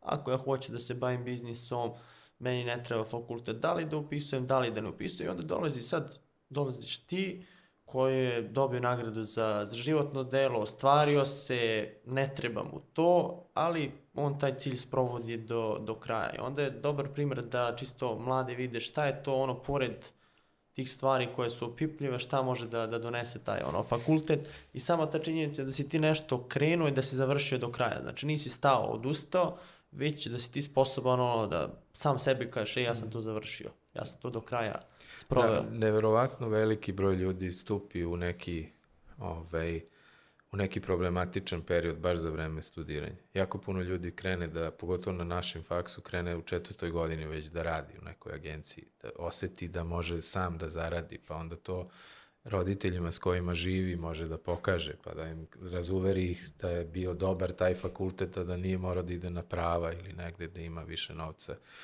ekonomiju ili tako dalje. E, ima puno razloga zašto ljudi napuštaju faks i počinju brzo da rade ili ne da im se nešto dobiju decu pa ne mogu. Tako da iz tog razloga jako puno ljudi reagovalo na ovaj moj post, jer, jer su jednostavno prošli kroz vrlo sličnu stvar. Nisu dosanjali san o fakultetu, recimo. E, ono što ja imam sad sreću na faksu je da mogu da ljude kad, im, kad osetim da vidim da variraju i da polako vid, vidim da izostaju sa nastave jer su počeli da rade u nekoj ozbiljnoj agenciji, ovaj, mogu da ih ili da ih malo progledam kroz prste pa da ih pustim kroz tu fazu, ali da da nastave da rade ili da im kažem nemoj tamo previše. Dođu kod mene da radiš. Da, da, ili na kraju kad sazru za, za to kad završe, onda mogu da rade kod mene ako su stvarno dobri. I ja sad recimo imam tu praksu da, da u stvari u studiju mi rade samo moji studenti praktično ili sa drugih fakulteta, ali koji su upravo završili. Ja, znači ja zapošljavam te ljude. Oni brzo, brzo prođu kroz agenciju, ostanu kroz studio, to je ipak mali studio, ovaj, ostanu tu možda godinu, dve i već idu dalje gde mogu više da zarade. Kod mene nema baš, nije to sad dovoljno veliko da bi moglo da se ozbiljno porodično živi od toga što radiš kod mene.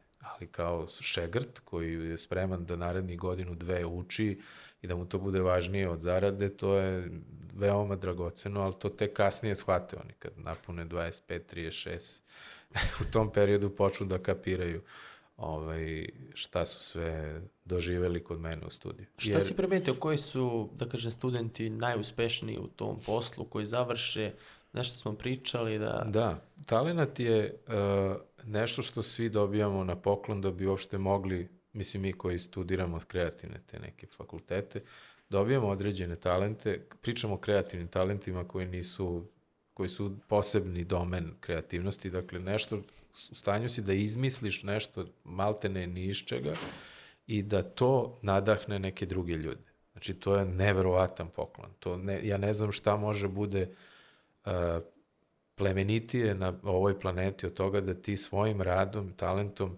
nekome popravljaš život, osjećaj prema životu, motivaciju za život. To je to što rade kreativni ljudi.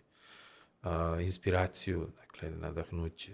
To je, stvarno ne, nemam reči da objasnim. Problem je što živimo u jednom stegnutom sistemu koji je previše baziran na novcu i onda se vrlo često zaboravi šta nas tera dalje. Ako te samo novac tera, to je onda samo dobiješ, sebi, da. da, on je sam sebi onda uzrok i kad dobiješ, uglavnom prolupaš, poč, ostaviš ženu, decu, kreneš za klinkama, splavovi, kokain i ostalo u mojim godinama. Dakle, raspadne ti se život totalno. E, tu, tu je sad pitanje, u stvari, da svako naš teluje na vreme u životu, ne samo sobstveno ogledalo, nego i to šta ga motiviše i šta ga tera dalje, da ostane plemenit čovek, da ne pravi šov od svog i tuđih života. To je, to je to. I, i sad, a opet to sve je jako važno, mora se gleda ta šira slika, jer je u toj široj slici su ti mladi talenti najranjiviji u principu. I oni vrlo brzo pod pritiskom uh, porodice u koje budu proglašeni prerano za genije, konkurencije realno nema baš prevelike u Srbiji, zato što industrija nije u nekom nenormalnom naletu i jeku, Tako da tu se jako brzo stigne na neki vrh, pogotovo kad si student, dobiš dve, tri nagrade, već imaš auru da si poseban u odnosu na druge i jako su veliki izgledi da će tvoja motivacija skoro kompletno nestati i da ti nećeš moći to da održiš tu tenziju tog talenta koji imaš. I u najvećem broju slučajeva ljudi koji nisu iz Beograda, koji nisu zaštićeni egzistencijalno uglavnom, ovaj, a isto su obliveni ljubavlju, nema veze što neko iz nekog sela ili iz većih gradova, Čačka, Niša i Kragujevca i tako dalje, ovaj, oni imaju drugu etiku totalno kad dođu u Beograd. Oni dođu da uspeju, kao ja kad odem u New York ili u London, imam ideju da tamo dokažem svoj kvalitet i da sam rame uz rame sa tim ljudima.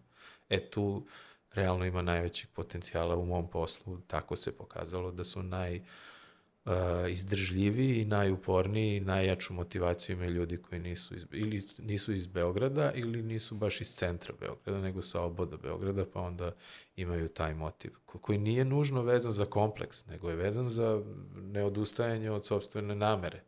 Jer ovde kad si odavde, ti si ko neka jegulja. A kad dođeš od negde, te, ti se sav napraviš u troga ovako. I samo rokaš u jednu tačku tu gde, gde, gde hoćeš da probiješ. Tako isto sa svima nama kad odemo u inostranstvo. Ja sam u Ljubljani napravio za dva meseca već ime bio. Za tri godine sam imao svoju firmu sa sedam zaposlenih. Dakle, ni, u tuđini totalno nikog nisam znao tamo. Hoću kažem, to nije, nije, nije ništa čudno to. Samo je pitanje, taj motiv za preživljavanje, za dokazivanje mora da postoji. Znači, teško se bilo šta napravi. U cijeloj toj priči dolazimo do jedne lepe teme, to su knjige za, za decu. Mm -hmm. Kako si napisao knjigu za decu? Prvu knjigu, već radi se druga. Treća se sad. Treća se radi. Da. Ovaj, knjiga je nastala tako što sam svoje čerki e, nađi pričao priče za laku noć. I onda je ona posle nekoliko godina rekla kad ćeš ti to meni da nacrtaš. Kad je provalila da tata zna i da crta, ali tata je malo zaboravio da crta onako kako treba, jer sam počeo dizajnom se bavim, drugčiji su programi, ne crtam ljudske likove, nego logotipe uglavnom i tako. Tako da sam morao, šest meseci sam iskoristio da, da savladam ponovo to crtanje za decu i, i onda sam je napravio knjigu koja se zove Singi Lumba i drvo čarovnih olova, kako je ona ovaj, dobila za rođendan uz opšte raspadanje emotivno sa svih strana, svi smo odlepili, jer, jer ta knjiga stvarno bila slatka na kraju i ona je, nije mogla da veruje da stvarno ima knjigu. To sam odštampao u fotokopirnici, povezao, dao joj i onda su to videli ljudi iz Lagune i, i izdali tako da sva deca sad mogu u tome da, da uživaju. I ono što je najlepše, izašla je i druga, sad će i treća, ta prva je dobila isto neke nagrade.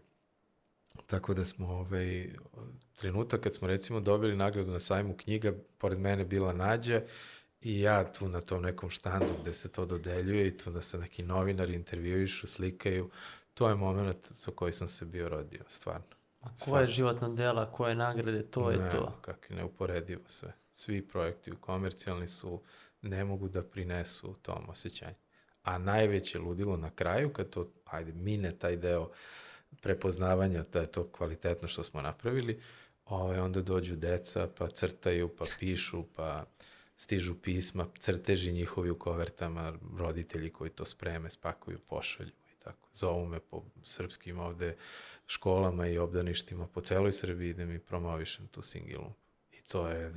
I plus što, što zarada od toga Da, zarada sva moja autorska ide deci, ovaj, nezbrinutoj deci, bez roditelja. To je neki, neka potreba iz Pričao si baš taj trenutak kada, kada potpisuješ, to je kada šalješ fakturu. Da, da, to... nema, to je suštinski najemotivniji trenutak za mene, stvarno. Jer odmah to nešto uvežem sa svojim detinstvom, sa svojom čerkom koja ne da je oblivena ovaj, ljubavlju, nego je ovako, kako bi rekao, ljubav lično hodajuća na dve noge. I onda sebe uvežem u to, svoju ženu, sve zajedno i onda se to slije u tu fakturicu, odnosno ovaj virman mali.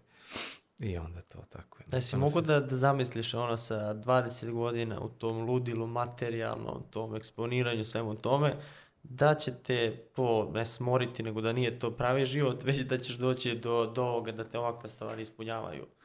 Pa nis, ne sanjaš, nemaš pojma. Ti ne, ja slušam ceo život o, o filantropima raznim koji nešto pomažu i to, i, ali nemaš relaciju dok i sam to ne probaš da uradiš.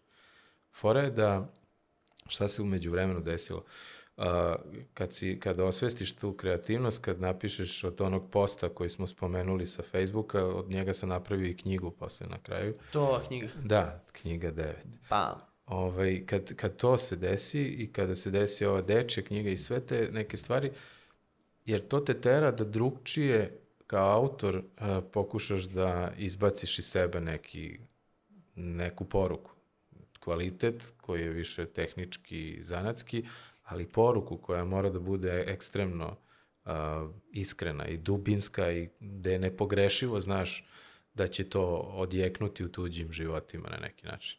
E, ja sam to ukapirao. Svaki put kad pišem neku scenu ili kad pišem ovo za decu, ako mi knedla stane u grlu, nema šanse da ne bude hit. Nema šanse, zato što znam, ako sam sebe doveo da mi se dijafragma, da sam se poremetio jer sam smislio nešto što će, što ostavlja na meni takav trag, ovaj, da to će sigurno ovaj, i drugim ljudima nešto značiti. I to je, to je nešto što nema veze sa dizajnom uopšte. To, to je To je iznutra. A dizajn je s polja. E sad, spolje, dizajn taj kakav je, kad je dobar, on mora i iznutra bude dobar. I to, se, to je došlo do tog shifta kod mene. Da sam naučio da ga punim napokon ovaj, emocijom koja je, koja je potpuno iskrena i autentična, a ne, a ne da je emocija jurnjava za priznanje. Imaš ono, kažeš da si dobar onoliko koliko ti je dobar poslednji projekat. Mm -hmm. Kako uspevaš sad da, znači sledeći projekat mora da bude bolji od ovog prethodnog? Kako je to izvodljivo i da li je uopšte izvodljivo? Pa nije uvek, ne može uvek, ali ako je to mantra koje se držiš, e, koja treba da ti bude ultimativni motiv ako si ozbiljan u nekoj profesiji, Ove, ja svakih mesec dana uvek pregledam šta smo radili u studiju prethodnih mesec dana. I ove, ono što mi je plan je da u stvari taj svoj pregled počnem da objavljujem na, na Instagramu, pod to Futro Design uh, ovaj, profilu, gde ću, gde ću ljudima u stvari pokazivati šta u stvari nastane u jednom tako malom studiju za samo mesec dana. To nije normalno, stvarno. Jer mi ne radimo, nismo na pokretnoj traci, ne štancujemo neke ideje koje nisu autentične, mi, po, mi živimo isključivo od kreativnosti. dakle, moj studio nije, nije, da kažem, deo nekog velikog sistema, neke velike industrije, nego kod nas ljudi dolaze isključivo zbog, zbog uh, autentične kreativnosti. To je redak slučaj. Dođu i prepuste, znači, to je to, Na tebi je... da, da, dođu i kažu majstore vozi. A ti onda, pošto to je, to je ta posljedica ovaj, fenomenalna uh, kad radiš toliko godina, da si vremenom steko ozbiljnu ovaj, reputaciju i ozbiljno poverenje kod klijenata i ja realno trenutno imam samo klijente koji znaju zašto hoće da rade sa mnom ili sa mojim timom, ali uglavnom to ide kroz mene još uvek. Kako izgleda tvoj radni dan? Je li umetnički ili imaš isprogramirano neku rutinu? Imam, ovaj, imam dane kada, kada namerno znam da, da me čeka gomila kreacije, smišljanja i onda to su obično dva do tri dana u nedelji i tad nemam ni jedan sastanak, recimo. Izbacim sve opcije sastančenja i sedim, stavim slušalice na uši i ne ustajem sa stolice dok nisam odradio tih 5-6 vizualnih identiteta ili, ili nekih tih komunikacija. Jednostavno tako je to. To se nedeljno se, uglavnom je to dva dana. A ostatke nedelje onda to prođe u raznim drugim aktivnostima od produkcijskih izazova kod, kod futro brenda ili kod ono, sastanci s klijentima koji su više konsultantski koji stvarno zahtevaju moju maksimalnu ovaj, posvećenost. Od toga, inače kad je školska sezona u jeku, onda četvrtkom i petkom sam neupotrebljiv za dizajn jer sam na faksu i tamo dajem svoj apsolutni maksimum. Stvarno se ovaj, trudim, imam 20 i nešto studenta svaki dan i ovaj, svakom od njih moram da kažem nešto šta mislim i zašto je dobro i zašto nije i da čujem šta oni misle i da čujem svako od svakom šta misli. Dakle, onaj švedski sistem koji sam spominjao da uopšte nije nije lako tako predavati, ali ja sam siguran da, da su rezultati iz godine u godinu su ne samo da su bolji, nego vidi se jednostavno da deca počnu da misle drugačije kad upoređuju odmah u tim godinama sebe sa drugima i, i da vide ne samo gde im je mesto, nego šta mogu da preuzmu od iskustava loših ili dobrih od drugih. To je i ta učenje toj uzajamnosti je izuzetno važna stvar. Ne možemo sve sami u životu. A nešto nas tera da stalno, pogotovo na ovim krajevima u regionu gde ne verujemo u sistem, u institucije, u državu i tako dalje, imamo suštinsko nepoverenje zbog toga što je nestabilno stanje već jako dugo, više decenijsko, da, da ne kažem više vekovno jer nam je urođeno to, ali eto jednostavno ima to jedno opšte uverenje da treba sve sam. I naravno da možemo puno sami da uradimo i mnogi od nas to dokazujemo svako malo, ali najbolji rezultati se postižu kada se kada se sinhronizujemo sa drugima, kad nađemo neku. I to je i suštini poruka ove Singi Lumbe, od dečijeg romana, gde, dečijeg, ove, dečijeg slikovnica, gde Singi Lumba ima svog najboljeg drugara koji se zove Felipo Bibi i koji zajedno s njom kreira uvek neku magiju čaroliju koja ne može, ne može ona sama, a ne može ni on sam. Dakle, tek kad upare svoje talente, ona zna da crta, on zna da svira muzički, da se izrazi gledajući njene crteže kao da su note. I tako inspirisan njenim talentom, on kreira zajedno s njom u stvari magiju koja rešava set problema koji su neuralgični za decu i za, za odrasle, boga mi. Ali to je, to je plot koji ja ovaj, u, toj, u tim slikovnicama, koga, potka koje se držim. Tako da, jer je to suštinsko saznanje koje, do koga sam u životu došao. Da ne moramo, ovaj, da možemo puno sami, ali da ne moramo sve sami i da je, su rezultati mnogo bolji kad zajedno nešto uradimo. Morat ćemo uvod da, da dodamo i pisat za decu. da. Oba. Gde puniš baterije pored porodice, društvenog života, ili čitaš? Da, naravno, jako puno čitam i gledam filmove, idem non stop u bioskop, ovaj, volim da idem u bioskop, to mi je jedno od najvećih mesta ovako, u životu, inače najvažnijih mesta na kojima pokupim kompletnu sliku o nekoj kreativnosti i umetnosti. Šta te oduševlja? Šta si pogledao u poslednje vreme da je ono... Pa ja wow. volim, gledam u bioskopu, uglavnom gledam ove... Blockbustere. Blockbustere iz prostog razloga što volim da imam jednu nogu u tom svetu ultra komercijalno, da vidim šta pomera planetu u principu i tu imam vrlo često oduševljenje, ali vrlo često i naravno razočarenje. I zanima me kad je tako veliki sistem neki, kao što su ovi Marvel filmovi ili Disney, ovaj, zanima me kako, gledam jako puno animiranih filmova, to mi je isto, kako bih rekao, od uvek me zanimalo to crtanje i taj način interpretacije u crteža u, u pokretne slike. Ove, ovaj, ali ima, ima jako dobrih filmova koje, koje gledam i ovako, koji nemaju veze s tim i svašta ima. Znam da mi je Interstellar ovaj, ostavio od tih filmova u zadnjih nekoliko godina, stalno mogu ponovo da ga gledam. Ovaj, od Kristofera Nolana. E, ima nešto u tom filmu, neku, neku nevrovatno čudnu ovaj, emociju, energiju, sve zajedno i verovatno sam i u tim godinama kad se preispituje smisao svega, postojanje, sve živo, jednostavno kao da je za mene napravljen taj film ali ono što mogu da gledam svaki dan su Gospodar prstenova i Harry Potter. Svaki dan, bukvalno. I to je vrlo često, mislim, zna se, ako sam ja u dnevnoj sobi, imamo neko čudovište od televizora, na njemu je uglavnom Gandalf ili, ne, ili Henry Potter, kako ja ne znam, nađu da se kaže, pravilno da se kaže Henry Potter, ono svaki put ispravlja, a već sad 10 godina zadnjih da se kaže Harry Potter, naravno da se kaže Harry, ali ja tako zezam. A knjige koje su ostavile utisak na, na tebe? Imaš nešto što ti ono baš uzdrmalo ili...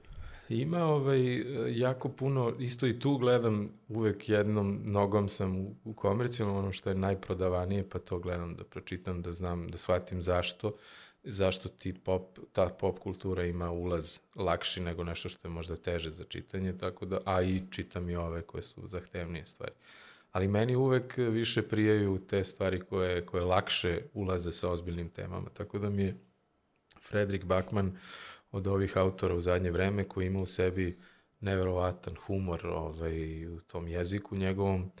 Ovaj, I opet je iz Skandinavije, iz Šveđanin je, iz Laguna je, ima njegove ovaj, sve knjige praktično objavljuje i sve su ovde isto kod nas blockbusteri, a ima i ovaj malo ozbiljniji, da kažem malo umetnički je Erland Lu, kojeg izdaje Geopoetika i to sam sve pročito isto. I tu, tu postoji neki, to isto generacijska neka verovatno sličnost i postoji taj neki jezik koji ima u sebi dozu otklona od realnosti koji je baziran na, na humoru, na ironiji, na sarkazmu i na toj nekoj vrlo jakoj inteligenciji koju ja pokušavam nekako da ponekad i na silu uteram u svoj dizajn. Kad bi morao sad da pogledaš ono, ceo život, uh, imaš neki neuspeh koji je onako baš bio žešći, a da te kasnije doveo do svih ovih uspeha. Negde gde si lupio glavom i to je kasnije se isplatilo. Pa imam, naravno, ovo sa, sa zatvaranjem firme je bio najveći, nije to čak ni fijasko, ne, jer nemaš osjećaj da si odgovoran lično za to. Ali ta situacija koja je bila takođe ovaj, a, sa našim najvećim klijentom ovde u Beogradu u to vreme, a, koji jednostavno hteo da se otarasi nas a, s našom saradnjom, koja se poklopila baš sa tom krizom ekonomskom. Dakle, nisam ja izgubio poslove samo zbog ekonomske krize, nego tog najvećeg klijenta sam izgubio jer taj klijent nije hteo više da radi sa mnom, jer se menadžment i vlasništvo kod te velike firme promenilo. I taj novi koji je došao je bio mlađi od mene, to ga je već nerviralo, imao sam isti sat kao i on, i on je bio iz inostranstva, ja sam bio ovde lokalni heroj dizajna i on to ništa nije mogao da podnese tu konstrukciju i hteo da očisti uh, spoljne saradnike, čak i na kraju zaposlio dva moja dizajnera u svojoj firmi kad mi se firma raspala i plus mi nije platio šest meseci, ovaj, mi je ostao dužan, ali ja, pošto je ogromna firma, nisam mogao da se s tim uh, jurcam okolo. A ovaj, niti, tu sam bio, što bi rekli, galantan iznad realnosti skroz sobstveno. Kaže, kupi novi sat, a? Pa recimo, ali takve budalaštine ovaj, koje su za malo dovele i do fizičkog obračuna na nekom od sastanaka i onda sam vidio da ja moram da, verovatno da moram da zatvorim pre ili kasnije tu firmu. Ali eto, to je bio, to je bio trenutak u kome ja sam shvatio da nemam kontrolu nad, nad sobstvenim poslom i da gubim kontrolu nad sobom u tom, ovaj, u tim okvirima. Tako da je kod mene proradio sportsko-rekreativni karakter. ili da ga šutnem ili... pa, jako je bilo blizu, nažalost. Ali i to je jedini put kad mi se desilo da sam toliko izgubio, jer me vraćao ovaj, nekoliko puta kreativno sam morao ponovo da radim nešto što sam već prvi put bio odlično uradio, ali to je bio deo da se isprovociram da, da me se otarase, jednostavno preskup sam im bio i njemu sam lično smetao šta da radiš, to ima i to se desi. Dešava se. Da. A sad, sa ovim znanjem i iskustvom, kad bi davao savet mlađoj verziji sebe sa 20, možda ajde i sa 16 godina, šta bi volio da si znao tada? E, volio bi da sam znao da će sve biti u redu i da, da me vole svi više nego što mogu da zamislim. To mi je glavno što mogu sada da kažem da su me sve vreme mnogi ljudi volili, a da ja to apsolutno nisam teo ni da prihvatim, ni da priznam ni sebi, a ni njima. Tako da ovaj, iz te ljubavi, nedostatka, za koji sam i sam dosta kriv, ovaj, je došlo puno negativnih stvari, loših izbora u životu. Ali ovaj, isto tako, e, to kreiranje već šire slike, kad bi to znao kako da i ovim mojim klincima utuvim, utuvim u glavu da, da gledaju, što, da se izmaknu iz sebe, da probaju, ali to ne može, to je prirodan proces kroz koji mora svako intimno lično da prođe. Ne mogu ja nikog da nateram da vidi širu, širu sliku. Koliko god je crto... Ne možeš ti da vidiš na nekome tu širu sliku? Ili... Da imaju potencijal. Pa da, to mogu da introspekciju da ono što taj neko ne vidi da ti vidiš kao mentor ili kao Vid, profesor. Naravno, ali ja onda dođem i kažem mu to, ali on me gleda kao Nije da sam spreman, na da. Svahiliju rekao, volim te. ne, ne vredi, ne, ne može. Dok ne. ne lupiš sam i dok ne otkriješ. Moraju sami sve. Ali ti si tu kao mentor da to usmeravaš da ne boli da, i da traje kraće. Ja, moje poenta mojih predavanja je da im uštedim 10 godina života. To je poenta zašto sam ja profesor. Postao da bi uštedeo čitavu deceniju ljudima. istraživanje u pogrešnim smerovima i tako dalje. To je, to je ono što ja pokušavam da uradim. Kakvi su planovi za, za dalje, neki novi projekti, šta se sprema? Pa sprema se nova knjiga ovaj, za Lagunu, uh, za odrasle. Sprema se treća knjiga, Singilumba i Kamena kraljica. I sprema se ovaj, ono što je možda i najvažnije, uh, spremam se da, da nekako započnem tu edukaciju preko interneta. Dakle, za ljude koje zanima kreativna komunikacija, to je, to je nešto što zašto trenutno baš nemam vremena, imam i potencijalne partnere za to, ali jednostavno ne stižem. To je, to je ta muka tog dnevnog uh, kolopleta u kome sam u profesionalnom smislu. Ali to je, to je jedna ambicija koja će se sigurno pre ili kasnije ostvariti, da to ipak postane dostupno većem broju ljudi nego što ih imam na fakultetu. E su knjige ti projekti sa strane nekako izdudni ventil za sve ovo što radiš. Ne možeš da radiš dizajn svakog dana i da svakog dana u toj oblasti burgijaš. Da, knjige su sigurno jedan kanal koji mi se otvorio kao prostor gde mogu introspektivno sebe da sagledam lakše nego kroz dizajn ili vizualnu umetnost i strašno mi je pomoglo to, bez obzira na njihov suštinski, da li je to kvalitetno ili nije, da li sam ja talentovan pisac ili nisam, mnogo je važnije šta, ja, šta to meni radi dok pišem, a i naravno ja se trudim da bude to što bolje i što komunikativnije, da ipak ima neko ko to voli da pročita, nije, mislim ova knjiga 9 je izašla u osam izdanja do sad, tako da nije, nije da nije zanimalo ljude, ali naravno tu sad ima milion nivoa usavršavanja i pitanje šta čovjek hoće, hoće li jezički pokušati da da nešto tu promeni, da pomera granice, da bude eksperimentalan ili hoće da prenosi neku priču ljudsku, neku emociju koja, koja nije presudna da bude na ovaj ili na onaj način. Ove, ovaj, stalno je e, interpretirana, dakle, stalno je pitanje i u dizajnu isto forma i funkcija, dakle, način kako nešto dizajniraš je isto kao i način kako nešto pišeš, ali mnogo važnije ove, šta nego kako. To je moja životna nekako pozicija koju imam od uvek. Mnogo je važnije šta hoćeš da kažeš nego kako ćeš reći. Mnogo je važno takođe i kako ćeš reći, ali je pre svega najvažnije šta hoćeš da kažeš. A mi živimo u vremenu u kome je samo bitno kako. Šta te nisam pitao, a volio bi da, da podeliš sa gledocima i slušalcima pred kraj? Pa ne znam, mislim da smo sve dotakli, čak smo malo i futbal. Okačili. Pipnuli, da.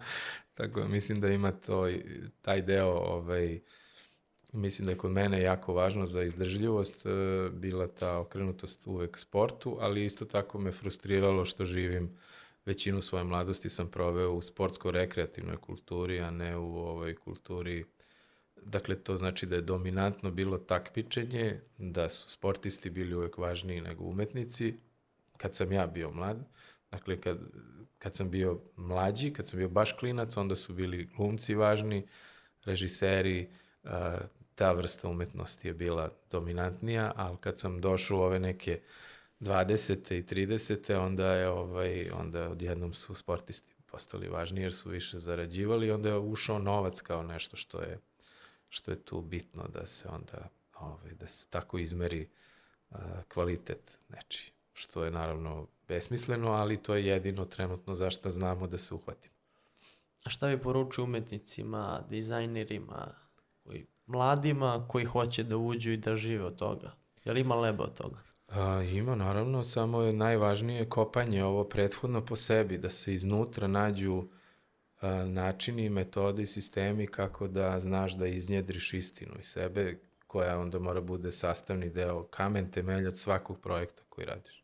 Jer ako nije istina, nego je neka šarena laža, na, uvek će biti šarena laža. Ambalaža je jako bitna, ali je najbitnije kakav je proizvod. A proizvod mora da ima, da bude utemeljen, ne, kvalitet je jednako istina. Znači, da li je istinito to? da li ima trunke istinitosti, jer tamo gde je istina caruje, tu ima onda prostora i za lucidnost. Lucidnost kreira nadahnuće kod drugih ljudi. To je taj kom, komplet. Dakle, istina, kvalitet, i lucidnost. Tu se, to, tu se treba vrteti. Jer je ultimativni cilj svakog napora kreativca je nadahnuće drugih ljudi. I uživanje u procesu, ali rezultat treba da bude koliko si naložio druge da to, tim svojim kreativnim gestom da, da budu bolji ljudi takođe. I da oni nastave da inspirišu drugi. To je kultura. Kultura je jedna reč koja identifikuje kulturu, nije samo nasledđe, nije dobro vaspitanje i tako dalje. Kultura je nadahnuće. To je razlog zbog koga živim. Jaka poruka za kraj. Hvala ti na, na ovom emotivnom, preduzetničkom putu koji si, koji si podelio. Ja sam uživao u razgovoru, a verujem da će i gledoci i slušalci. Hvala ti što si bio gost Biznis priča, pa se vidimo nekom drugom prilikom i onda ćemo najaviti pisac knjiga za decu, za odrasle, za... Sve. a mi se vidimo u narednoj epizodi podcasta Biznis priče.